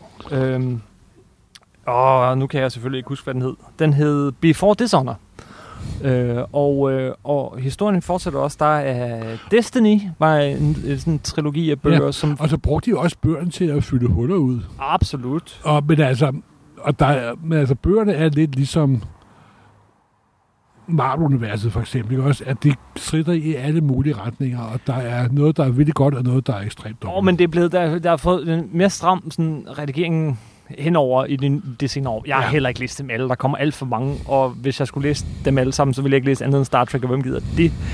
Men øh, hvis jeg skal nævne fem, jeg godt vil anbefale, så er det Before Dishonor, som er en god uh, Borg-bog øh, af Peter David. Ja. Imsardi af Peter David. New Frontier af Peter David. øh, de er ikke fantastiske. Det er popcorn-underholdning, men det er sjovt. Så øh, Takedown er en ganske fin lille action-roman, der foregår sådan, øh, jeg tror, 20, år- 10, 10 år efter den sidste Star Trek Next Generation-film. Og, øh, og så Destiny-trilogien. Ja, så vil jeg jo anbefale uh, The Entropy Effect af Wanda McIntyre. Åh, det Der er var et meget faktisk- bedre bud, morgen. Ja, simpelthen, for hun er en rigtig, rigtig god science fiction Ja, forfatter. og den handler om, Og det handler faktisk meget mest som solo, faktisk. Og, og Kirk og tidsrejse og øh, paralleluniverser og alt muligt andet. Hun skrev senere en lidt sjov roman, der handler om Enterprise, hvor Kirk kommer ombord på skibet som en ny kaptajn, og ingen, der kender ham. Og det er også okay. Så hun har faktisk skrevet to ude, udmærket, faktisk. Og så har øh, en forfatter, der hedder John M. Ford, også skrevet meget sjov, sådan en klingeren-agtig en. Hvad var den? Uh, The Gambit eller andet. Uh, du beklager, min hukommelse svigter mig.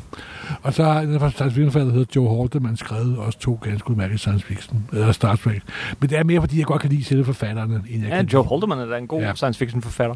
Men den bedste Star Trek-roman, jeg har, jeg har, jeg har læst, det er nok The Empathy, The, the, Emp, the Effect. Hvad hedder den? Øh, ja, Det ved jeg ikke. Jeg universets ikke. varmedødseffekt Okay.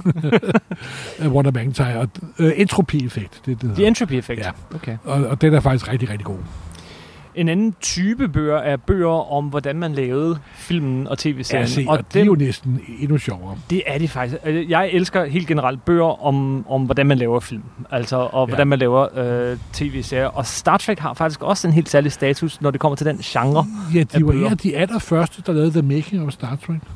Jeg tror, det er den første Og- rigtige making-of-bog. Ja, sådan med Øh. tv-serier i, i hvert fald. The Making of Star Trek er en klassiker inden for den her Ja. genre. Og, Om man det så beskriver Star Trek hele processen. Helt fra uh, Roddenberrys første kampe, og med den første pilot, der blev bortkastet, og den anden, og den er faktisk rigtig god. Og hvordan en serie går fra man- idé til manuskript til, til produktion og til redigering. Og hvor mange kokke, der kan fordærve maden undervejs. Yes, yes, yes, yes. Og så har David Jarrell, der er jo en meget kendt amerikansk fiction og mest og bekendt for at lave det afsnit, skrev det afsnit, der hed Trouble Triple.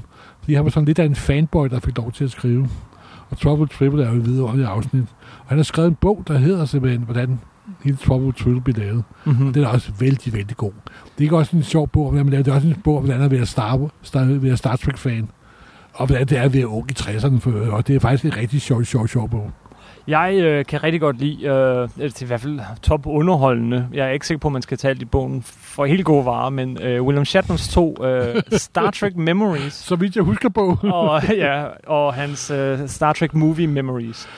Men de er virkelig sjove, hvordan man ser... For, for, jeg nu har jeg lige læst den om, om filmene øh, med, i går, som forberedelse til det her. Men, men hvordan hver eneste film øh, er lige ved ikke at ske. Og hvordan det går fuldstændig i Jamen, der var jo så mange egoer. Og det så bliver lavet. Der er så mange egoer. Den Du er, kan jo se af de store egoer om ham med de spidse ører. Han har jo skrevet mange bøger, eller i hvert fald lavet som, han har skrevet mange bøger. Men han har skrevet to bøger. ja, En, der hedder I am not Spock. yes. Og så 20 år senere lavede han en bog, der hed I am Spock. Fuck, de kender mig ikke som andet, så. det er. Og jeg må have prøvet på smør på brødet hver dag, så. Og William Shatner har skrevet et hav af Star Trek-bøger, men, men lige præcis de her to, der kommer man virkelig bag om scenen. Han har lagt han, navn til et hav af Star Trek bøger. Ja, han eller en anden får interviewet en hel masse andre omkring det her. Altså ja. forfatter, producer, øh, alle mulige kommer ind over, og det er faktisk nogle rigtig topunderholdende bøger. Til alle de nyere Star Trek-serier, så blev der lavet sådan en, en companion. Og Ja. øh, Next Generation Companion er udmærket. Øh, Voyager Companion er noget, det er noget lort, det er bare resume af afsnittene. Men Deep Space Nine Companion er en fantastisk dejlig making-of-bog, hvor at der bliver snakket med dem, der laver kostymer, der bliver snakket med dem, der laver musik. Den, er, den kommer helt bag om kulisserne, og man ser, hvordan at, at de her afsnit starter som regel med en idé og havner som noget helt andet. Man kan Den er virkelig sige, god. Deep Space Nine var også den første Star Trek serie, hvor Roddenberry var fuldstændig koblet ud. Ja, ja, ja. Og det tror jeg også var en af grunden til, at den blev så anderledes. Fordi nu vil de prøve at Det er lidt frigiver for hans kreative spændetrøje. Ja, de havde ham der, R. Steven Bear, som Ja. producer, som var Ja. en helt anden type. Slet Ja. ikke en, en Star Trek-fan egentlig, Og, øh, og men en det- karakterfan. Og det gør altså, selvom vi har sagt lidt negative ting om Deep Space Nine, så var der så også nogle ganske fantastiske afsnit. Ja, ja, men det fik vi jo også sagt. Uh, men altså, i den her Companion, den er, den er super god. Og så nævnte jeg også på et tidspunkt Michael Pillars bog om uh, Insurrection. Den er aldrig udgivet. Uh, men, men, men den blev liggende- udgivet? Nej, fordi at den viste jo fuldstændig hudløst, hvordan hans første idé eh, bliver fuldstændig udvandet og ødelagt uh, af, af alle, der kommer og blander sig. Hvor også så ham selv. henne? Jamen, den, er, den, den ligger online, og den ah. er frit tilgængelig. For, altså, den er nem at hente. Øh, øhm, den blev udgivet efter hans død. Han døde desværre ret ung. Øhm, men, men altså, den blotlægger fuldstændig, hvordan den der store Hollywood-maskine virkelig kan... kan Ja, men den kan godt knuse folk. Ja, men det er en virkelig underholdende bog om, hvordan noget kan begynde med... Og det, alle film begynder jo med The Best of Intentions. Altså, Jamen, der er ingen, der siger, ingen, der nu vil vi lave verdens dårligste film. Det, Nej. alle siger, nu skal vi, gøre, nu skal vi lave en god film, siger og, de. og det er sådan lidt den samme historie, man både læser i, i uh, Making uh, Star Trek Memories om Star Trek 5, og så i den her om, om Insurrection. Det er vel grundlæggende det, man læser i samtlige historier om Hollywood, ikke også? Altså, og det utrolige er, at der gerne også kommer gode film på Hollywood, ikke Det er utroligt, at der nogensinde som bliver lavet en god film. Så er der uh, tegneserierne. Ja, og der er som sagt Gold Key starten der, der var meget underlig. Så gik, øh, så i nogle år, så kørte franchisen mellem DC og Marvel. Ja, de skiftede lidt frem Ja, og tilbage. frem og tilbage, og det var da okay, op og ned, og, så, men det var aldrig særlig god, særlig god tegn. Peter tegn- David skrev den i uh, af to omgange. Ja, tid. og en, en kendt science fiction forfatter som David Brin fik lov til at lave en historie for DC og så videre, og så videre. Men det er, øh, de, de er forholdsvis ret ligegyldige. Og så vil jeg sige, at de, Star Trek tegneserier er faktisk havnet et godt sted. Ja. De har havnet hos dem, der hedder IDW, Som er virkelig gode til franchise. som der er rigtig øh, gode til serier. franchise, og deres Star Trek er langt, langt det bedste Star Trek tegneserie, der er kommet. John Byrne har lavet en masse ting for dem. Alle John Byrne Star Trek er samlet i en, i en stor omnibusudgave, faktisk. Ja. Og det er ikke verdens bedste Byrne, fordi det er jo fantastisk for, men øh, det er ganske underholdende Byrne. Og hvis du også kan lide Star Trek-universet, og de kører både med, vi vil også komme ind på de nye film, både med den nye og den gamle kron- kron- kronologi. Ja, de har især øh, beskæftiget sig med det nye Ja, hold, ja, filmholdet, ja. ikke? Øh, hvor at tegneserien nærmest ikke, har været en, en, en gendig, mange af dem har været en gendækning af klassiske Star Trek Original Series Ja. med det nye. Jeg tror Hold faktisk slet ikke, der er noget med de gamle hold i, i det W. Det er lige begyndt. Ja, ja. Det er faktisk lige begyndt, i, Ja. i, i, mens vi sidder og snakker her nærmest. øhm, og så har de lavet en del crossovers. Ja. Det er noget, de har været glade for at lave. Øhm, Ja, det jo sjovt, at da Marvel havde øh, franchise. det første, Star- de Star gjorde, Trek fan. det, Det er så, X-Men møder Star Trek. det var det første, de gjorde. Og det kom både i romanudgave og en tegneserieudgave. To tegneserieudgaver. Og det var, Det var noget altså, det lort. var hoveddækket, der skulle holde for, for, for igen, selvfølgelig. Men jeg købte den også. Men altså, nej, nej. Og så er senere jo Star Trek er gået hen og blevet, som alle popkulturelle ikoner, Mm. Så er den jo gået hen også og mødt Doctor Who, og Planet of the Apes. ja, der er lige er kommet. Og så er der faktisk en, der er rigtig god. Det er, hvor de møder Green Lantern fra DC. Green Lantern Corps. Og det er jo meget god. Og det, der jo gør, at den faktisk er fungerer, det er fordi, det er jo to science fiction der, der møder hinanden. Mm-hmm. Dr. Who og Star Trek, det passer altså ikke sammen. Det er to meget forskellige måder at fortælle historier på. De har også lavet en ting, som fører os lidt tilbage til nærmest begyndelsen af det Ja. her efterhånden meget lange program, øh, som bliver længere endnu, for vi er ikke færdige. Men øh, de har udgivet øh, en tegneserieversion af det oprindelige manuskript til City on the, on the Det Edge har de, og den kan du købe den dag i dag. af Harlan Ja, Ellison. ja. øh, med forord af Harlan Ellison. Ja. Og det er rigtig sjovt at læse den, øh, og så se, hvor stor forskel der var på det oprindelige manuskript. Øh, og det, Men du endelige- går, kan også læse det originale manuskript. Man kan læse det oprindelige manuskript, men det er dog lidt sjovere, tror jeg, at, Ja. at læse det som tegneserie. Øhm, og, og hvor man kan se forskellen. Det er en god historie, og, og, og de, Jo, det, det, virkelig det, gode det, historier. Der er med historien. de rigtig gode idéer i den er, er Men faktisk der var- bevaret i det endelige afsnit øh, af, af den oprindelige City on the Edge of Forever. Men, men det er to meget forskellige historier alligevel, og de er begge to meget gode. Ja. Men det skulle altså presses ned i 45 minutters tv. Ja, men øh, man kan godt, når man sidder og læser den, så kan man også godt se, hvad havde han tænkt sig? Altså. Alt sammen udmærket. Men som sagt, øh, Star Trek tegneserie er ikke noget specielt, men det, det hvor det kører nu, er faktisk det bedste med IDW. Og hvis man kan lide noget gedin underholdende, solide tegneserier, så er dem bønder lavet, de kommer ikke galt i byen med. Og det sidste tegneserie, man måske lige kunne nævne, det er nogle af alle de søndagssider, som blev, blev lavet. Fordi det, var faktisk folk som Larry Niven, Ja. øh, Martin Pascoe øh, og Jerry Conway, der, der lavede dem en overgang. Så er der jo også, et, og det er noget, jeg ikke kender noget til overhovedet, det er jo computerspilsafdelingen. Ja, der, der er et meget, der, der er nogle meget jeg kan huske, Star de allerførste computerspil, man kunne spille på computer overhovedet. Det var sådan et med, med, Fuck, ja. med torpedoer og Ja, ja, men hvor man så- sad og skulle skrive kommandoer. Ja, ja, ja, ja. Man ja. skulle skrive, Hvor man var i Star ja, simpelthen, og Erase Shield og så Ja, videre. det var så videre. 100% øh, Fordi kommandobaseret. det Star Trek-universet gør jeg jo... Star Trek-universet er jo en sjov blanding af et engelsk flådehistorie og amerikansk western. Yes. Og den måde, kampen foregår på i Star Trek, når skibene møder hinanden, det er som at se øh, gamle flådeskibe kæmpe mod, mod, mod, mod hinanden. Og, og det er også det, der giver Star Trek, det er sådan det lidt arkaiske præg i deres måde at være på og historier. Og, og det er sådan en gammel kommandostruktur med Yes Sir og Unge Ensign og så videre, så videre. Og det er også det, der er charme ved det, selvfølgelig. Ikke? Nu når vi taler charme. Så forsvandt charmen jo lidt, da de nye film startede, synes jeg. Ja, det gjorde det lidt. Da JJ, de valgte at reboote franchisen. Eller måske også var meget fornuftig betragtning af den gennemsnitsalderen på det originale crew. Et par stykker af dem var ved at dø, eller var allerede døde. Øh, det var... men i stedet for at lave en ny Star Trek-serie, eller et nyt hold, jamen, så, så valgte de at starte forfra. Ja. Og faktisk er den nye serie jo faktisk en del af den originale kronologi, for de siger jo, at det, Det elsker jeg. er en ny alternativ tidslinje, der er, op, der er opstået, men man også kan se i den aller sidste nye film. Men øhm, det første film lavede J.J. Abrams. Øh, Abrams. Star Trek fra 2009. Ja, og den synes jeg er rigtig, rigtig, rigtig, rigtig god. Set ud fra, at det er en moderne, amerikansk, top-tunet actionfilm. Men det er ikke Star Trek i mine ører, i mine øjne. Heller ikke min. Fordi den var skide underholdende, skide godt lavet, pisse spændende, godt skruet sammen, Velcastet. men charmen for, for forsvandt, synes jeg. Ikke bare charme forsvandt, for jeg, jeg synes nemlig, jeg synes faktisk, der er ret god komi mellem, mellem de tre, der så spiller Kirk, McCoy og, Ja. og Spock, og, og de andre foreslår at, at fylde lidt mere. Men, men den mangler øh, det, skal vi sige, det, er sådan lidt filosofiske aspekt af Star Trek. Ja. Øh, det med, at, at, at, at, der, der skal ligesom være et tema Nå, men det er blevet til en actionfilm i, i stedet for en Star Trek Og det er en gediner actionfilm. Ja, og øh, gamle Spock dukker jo op og for den anden Jamen- tidslinje og så videre. Mange gode elementer. Jeg synes, det, det er en god, den bedste, det er en god Ja. film. Det er den bedste af de nyere film, tror jeg. Men, men den... Og Nå, Nå, det er en god actionfilm, men jeg ved ikke, om det er en god ligesom man kan sige med, med, med, med Ringens Herre.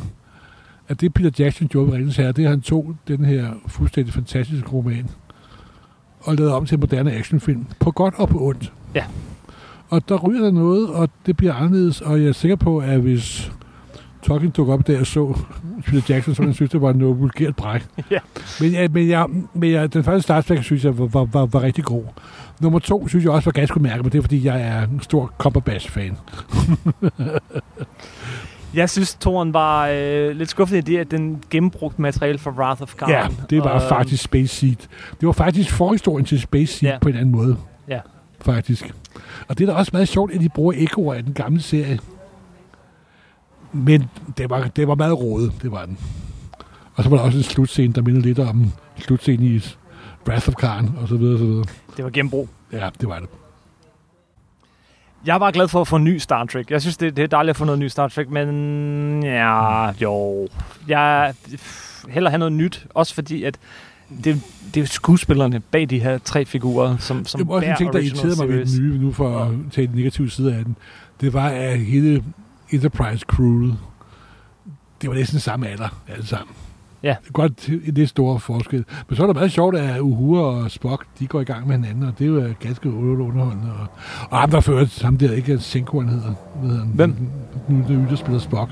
Han, han er, spiller jo ganske fremragende. Ja, ja, men de, de er gode alle sammen. Det er udmærket film. Og, og det er- det er jo langt bedre actionfilm, end noget, vi nogensinde har set i Star Trek. Jamen altså, Abrams er måske ikke verdens største instruktør, men han er kraftig med effektive håndværker. Yes. Han bliver altid sat til at lave fanfiction-film. Men øh, sidste nye film, Ja, Det er Star Trek Beyond. Beyond, som vi lige har været inde og se, øhm, Ja, altså hvis jeg skal give et hurtigt slag på tasken, vil jeg sige, at det var da et udmærket Skal vi lige... af, et afsnit af en Star Trek TV- tv-serie. Ej, der synes jeg, du er meget hård. Ja, det er, det, er, det er jeg måske også. Det er måske også. Ej, det larmer herude i haven nogle gange, Morten. Øh, ej, der, der synes jeg, det er meget hård. Øh, det, det er... Altså, det var virkelig... Visuelt synes jeg, den var virkelig imponerende. Det var meget, meget flot. Ja, der er... Den havde fuldstændig samme problem, at den, den manglede øh, det filosofiske aspekt. Øh, den begynder med, at, at Kirk sidder og filosoferer lidt over, at han er blevet et år ældre, og det har bare over... 30-årig køk. Ja, hvad er han? 30, 32? Ja. Det har bare ikke helt samme pondus. Det er måske, fordi vi har bidet nogle gamle det rørhuller. har, jamen det, har, ikke- det havde Pondus der, der i Wrath of Khan, ja. Der begynder Ja. med, at Ja. Kirk står der og, og filosoferer Ja. over, at han er blevet 50. Det, det har jo ikke nogen... dejligt. Altså, Jeg kunne meget, faktisk meget godt, det jeg faktisk bedst kunne lide ved den overhovedet. Ja. Det var starten med den der monotomien over The Five Year Mission. skal, vi- skal vi lige... Øh, er det her med eller uden spoilers? Ja, det er... Det er jo ret ny film, så... Mm, Vi plejer at bruge spoilers. ja, så tager vi, så vi spoilers. Okay. Hvis I ikke vil høre om nye, så stop her og vend tilbage senere, så når I har set den. Ja. Ja. Jeg tror ikke, vi, vi snakker ikke 100 år om den, så vi ødelægger nok ikke det hele. Nej. Hvad kunne du rigtig godt lide ved den? Jeg blev faktisk bedst lige i starten, hvor der var den der mon- monotone, den monotone tilværelse under Five Year Mission der. Mm. Faktisk jeg synes var meget sjovt. Altså den dagliglivet på, på Star Trek. Eller på Enterprise. Ja, men, ja. Der var bare Enterprise. Og så fik de et, et A på til sidst. Jeg synes, den blev... Øh, I som regel af de her øh, sommerblockbuster, så er det altid sidste akt, der er det dårligste. Altså det er altid øh, slutningen, synes jeg altid, jo, det, taber det der med, de bliver Men op det og synes jeg ikke, det var der. her. Jeg synes virkelig, den, den her film, den, den blev bedst til sidst. Jeg synes, og du siger, det, det, det, det er godt dobbeltafsnit. Nej, men altså, det, det, var virkelig det var flot lavet. Den var virkelig, virkelig imponerende lavet. Store, Yeah, flotte kamerabevægelser. Og, ja, altså, jo. jeg sad flere gange undervejs, og sad og tænkte, hold kæft, hvor må den have kostet mange penge, den her, ikke? Men, men det er ikke en god ting, at man begynder at sidde og tænke over det. Ej, det er ikke. det, det er ikke et kompliment, men, men altså, det, Altså, jeg, jeg, jeg, jeg synes, den var ok med middelmåde, hvis vi skal være helt ærlige. ned mod plus. Middelmåde plus. Jamen, den var, jeg var, den var på højde, den var mere på højde med etteren. End, øh, den var bedre end etteren. Nej, ja, den var lige så god som etteren, men ikke lige så god, men, men bedre end toeren. Nej, der må jeg foretrække faktisk 1, 1, 1, 2, 3. Den var, det, den det, er havde. jo, det, er jo, det, er jo, det er jo en kamp om... Altså, ja. Anmeldte Star Trek er jo lidt som anmeldte juleaften, ikke? Der er jo nogle juleaftener, der er bedre end andre, men det er alt sammen juleaften. Jeg er glad for, at der er mere Star Trek. Øh, og, Jamen, det er der men, også, men, og som men jeg en er af grunden til, at vi laver det her, er jo også, at der til januar ja. 2017 kommer en helt ny Star Trek tv-serie. Men skal vi ikke lige snakke den her færdig? Jo. Altså, ja, hvad er der egentlig mere at sige om den? Skal vi, Jamen, er der jeg så meget mere at sige der om er så den? meget mere at sige om, fordi... Jeg synes, den havde humoren, den havde karaktererne, den havde... Øh, jeg synes faktisk, Kirk var rigtig god. Det, det, den havde charmen, men den havde ikke dybden. Mm, nej, Som du har bare ret, der, der var ikke noget tema i den. Det, det var der ikke. Jeg kan sagtens Måske tænke, temaet var, at hvad gør man med gamle soldater efter krigen? Ikke? Ja, ja, der var lidt, ikke? Men, men det var meget, meget lidt. Når jeg ser en Star Trek-film, så forventer jeg ikke det, så forventer jeg noget andet, end hvis jeg ser en, en actionfilm, eller en action science fiction film, Jo, eller en det Star er jo Wars film. lidt forsvundet Ja. ud med, da Abrams overtog Jamen- franchisen. Ja, og det, det, det er ærgerligt. Fordi, og man kan også sige, det der med et budskab i ting, det er måske også det, der gør dem til en lidt 60'er ting. Ikke? På, på godt og på. Og, og en tv-ting. Star Ja. Trek fungerer nok bare bedst som tv, fordi de ikke har, Bestemt. budget, de har ikke budget til, til de store effekter hele tiden, så de og bliver er nødt til at finde på de en god budgetter historie. tvinger folk til at være lidt mere, kreat, Ja. mere, mere kreative. Tænk som. Nu vi snakker om kreativitet. En anden ting, der er sjovt med Star Trek, er jo, at som andre franchise, det har afført en fanbevægelse og en fanproduktion af historier, både prosa og tv-film, der bliver lavet kun til fans af fans. Det er, Og det er et, et- ocean af, af kreativitet, faktisk. Ja, det er bestemt ikke alle sammen lige godt. Der er simpelthen en helt subgenre af fanfiction, hvor Kirk og Spock er et homoseksuelt par. Det har jeg ikke læst noget af. Jo, jo, det er ganske vidunderligt, altså. Nå, Jeg, jeg, siger ikke, at det er det mest udbredte, men altså, fanfiction øh, bevæger sig jo i de mystiske, retning, øh, mystiske retninger, ikke? Og altså, og det er også det, der er så fascinerende, synes jeg, ved sådan nogle franchises, som Star Trek, eller øh, Star Wars, eller Marvel for den sags skyld, er, at den fankultur, der opstår omkring det, og de ting, der bobler op der, hvor folk tager, hvad de har brug for, de botaniserer i deres yndlingsunivers, mm-hmm. og bruger i deres eget liv og laver sig selv om, og så videre, og så videre. Ikke? Der er en dokumentarfilm. Nej, der er faktisk to. En etter og en toer, der hedder Trekkies. Den har nogle år på banen. Ja. Men det er en meget fascinerende dokumentarfilm, som handler om de her kæmpe, kæmpe fans. Der er blandt andet en, en, et postbud i USA, som altid går i sin Star Trek-uniform. Hver dag og sådan noget. Det, den er virkelig sjov. Altså, det, det er de der lidt uhyggelige nørder, ikke? Uh, uh, men, men, men den er virkelig... Den er både underholdende og, og kær. Den er ikke modbydelig. Altså, de- udstiller Nej. dem ikke, men de viser dem. Øh, den er virkelig dejlig. Og så ja, så er der hele den her, øh, den her fanfiction-genre, ja, som der jo lige for nylig har været en større kontrovers om. Øh, der er jo lavet et hav af, af, af fanproduktioner, men de er i de senere år vokset i, øh, i budget og øh, ambitionsniveau. Der er lavet øh, timelange, altså serier af en times vejhed, og hele spillefilm, hvor de har hævet skuespillere ind, fordi de ikke har haft så meget at lave andet efter Star Trek. Star Trek Conventions. Ham, der spillede... Øh, ham, der spillede øh, øh, en Vulcan i, øh, i Voyager, har selv instrueret og produceret og skrevet en, Nej, en, nej, nej, en jo jo jo en, en to timer lang Star Trek film Åh, oh, Gud. og der var et Kickstarter-projekt i gang, hvor de har indsamlet mere end et, et par millioner dollar Nej, nej, nej, til at lave en fan Star Trek film. Og så sagde Paramount, nu, og så sagde Paramount ny, lige her for nylig, stop, det er forbudt at lave fanfiction øh, film. Og der var jo ramaskrig. Fordi man skal også huske, det er jo, det er jo engagerede fans, det her. Det, det er deres kernepublikum. jamen, det er jo også det- det, der reddede Lego. De fik fat i deres fans. Ja, men, øh, og det Paramount gør her, er jo at sige, stop fans med at være fans. Men det skal man ikke gøre. Det skal man ikke gøre. Men, men Så skiftede de også mening, vidt jeg husker. så skiftede de lidt mening, men så lavede de nogle regler, der hed, okay, I må gerne lave fanfilm. Det er dejligt. Tak for det skifter de lige pludselig mening, efter J.J. Abrams havde været ude at sige det. Men de må ikke være mere end en time, og de må ikke have fortællelser, og de må ikke have skuespillere med fra de oprindelige Star Trek. Så de her øh, regler, de har stillet op, er lige direkte imod de to film. Øh, ham, der spillede øh, Tuvok, i, Ja, har lavet, og, og den anden her, jeg ikke kan huske, hvad hedder. jo, men det er måske også for at beskytte, beskytte deres intellectual properties. Ikke? også? Man kan sandelig godt Der er jo også nogle instruktører og forfatter, der måske godt vil beholde deres figurer for sig selv. Ikke? også? Det kan jeg da også godt forstå. Plus det er ren øh, legalese. Ikke? Altså, de har, en, de har regler i USA for, at hvis du ikke beskytter dit trademark, jamen, så mister du dit trademark. Ja. Øh, men men øh, altså, det, det, er helt vildt, hvad der er lavet. Der er også, man kan finde på, på YouTube, bare lige, det er ikke godt, men, men man kan jo se, der er Phase 2, som er en filmatisering af de manuskripter til den tv-serie, der egentlig skulle have været lavet før Star Trek The Motion Picture kom, blev lavet i stedet for, som så er blevet lavet af fans, og øh, der er mange af de her Star Trek skuespillere dukker op i de her fanproducerede ting. Og, og, og det bliver også... Og sådan, Star Trek fans bliver også tit brugt som en symbol på fansdom, der er røget af sporet ikke? i sådan almindelige mm. underholdning ting. Ikke? Og der har man en Star Trek trøje, eller en Star Trek øre. Get Alive. Get Alive, som Shatner hvis nok skulle have sagt. Det gjorde gruppen. han, men ved du, hvor han sagde det? Saturday Night uh, Ja. Live. I Og det fik han jo virkelig på pugten for. Ikke? Ja. For Og det viser også lidt uh, Shatners altid lidt ambivalent forhold til, til Star Trek. mm-hmm. En anden meget sjov Shatner-ting nu her på falderæbet er jo, at de holdt sådan en uh, æresaften for George Lucas.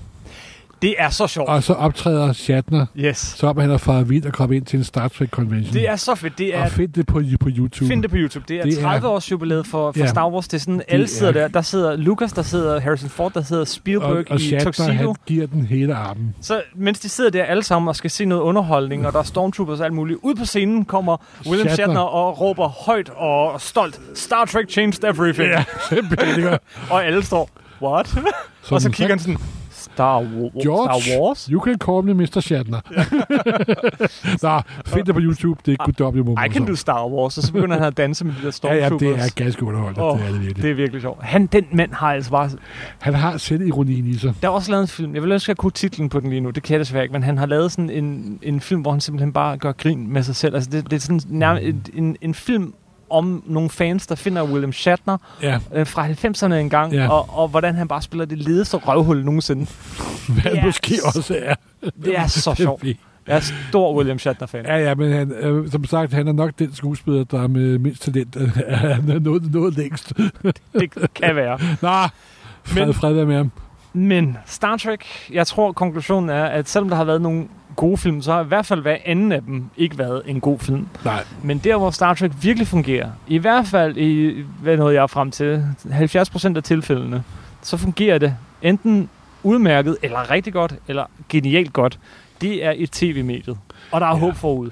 For her i 2017, starten af året, kommer der en ny Star Trek-serie.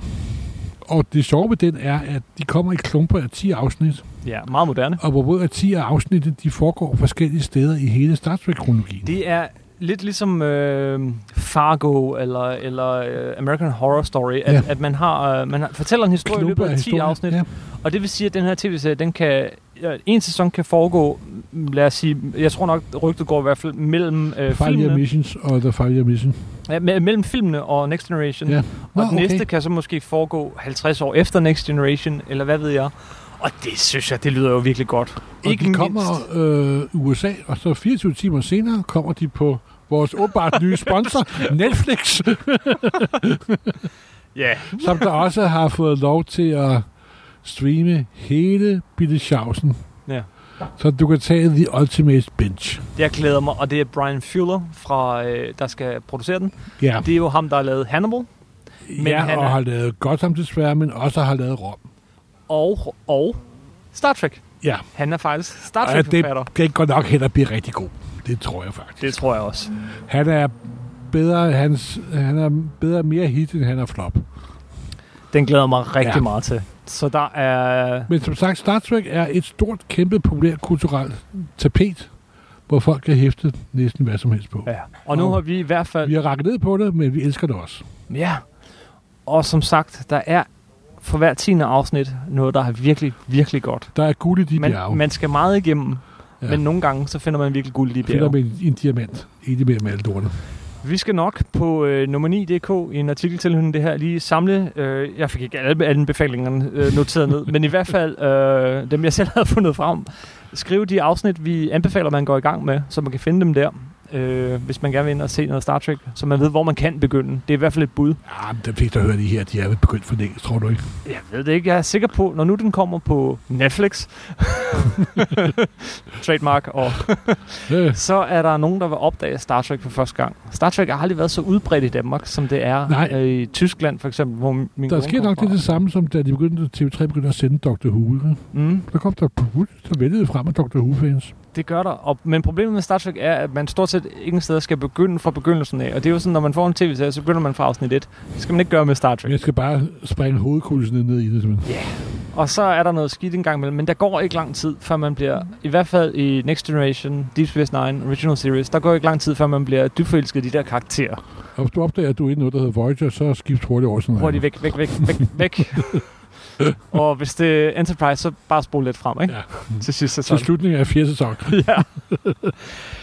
Det her var vores rekord i længdeafsnit, men Nå, jeg synes okay. ikke, vi skulle lave to afsnit om Star Nej. Trek. Og det var din idé, vi skulle lave Star Trek. det var jeg var lidt imod, Trek. fordi jeg sagde, vi skal ikke lave, vi skal ikke lave et filmpodcast, vi skal Nej, lave... vi, vi, vi skal lave tegneserie. podcast, men vi lover, at de næste bliver kun om tegneserie. Jeg tror, at det næste det bliver om en film, og så tegneserien bag. Jeg tror, det bliver Doctor Strange. Det men lad os nu Dr. se. Ja, det kan også være, at vi lige når... Øh, og Su- Suicide Squad måske? måske Suicide Squad. Det kommer lidt an på ferie og så Ja. videre. Øh, men ellers så snakker vi om den på et andet tidspunkt. Ja. Og så har vi jo optaget et afsnit, jeg aldrig har fået lagt ud. Det, det Secret War. er Secret War, som var en rigtig god tegneserie. Det er et 100% tegneserie-afsnit. Øhm, men øh, Så er det bare her, farvel fra haven på, Ja. på, på, på Amager. yes, vi har en øl med, og den åbner vi lige her bagefter. Ikke? Og, øhm, og så må vi bare sige, husk, I kan finde os alverdens steder. Der er også snart et nyt sted, I kan finde os, men det hører I mere om lidt senere. Det Ja. kan være, der går nogle måneder. Vi får vores eget hjem. Yes. I kan altid finde os på nummer 9.dk. I kan finde os på SoundCloud, hvor alle vores afsnit øh, ligger. Det er soundcloud.com-supersnak. I kan finde os på iTunes, iTunes. bare ved at søge Supersnak. I kan finde os på Facebook, facebook.com-supersnak podcast, ud i et ord, Supersnak podcast. Og øh, det er sådan sikkert det, ikke? Jo. I kan finde Morten og jeg på Twitter, men det behøver I ikke. I skal bare finde podcastet, og så skal I meget gerne, hvis I er rigtig søde, gå ind på iTunes, Og sige, det er det bedste podcast i menneskehedens historie. Giv os en femstjernet anmeldelse, og så skriv, Med det er da okay. opad. Det er rigtig rart. Så tak for den gang. Ja, hej. Live long. And prosper.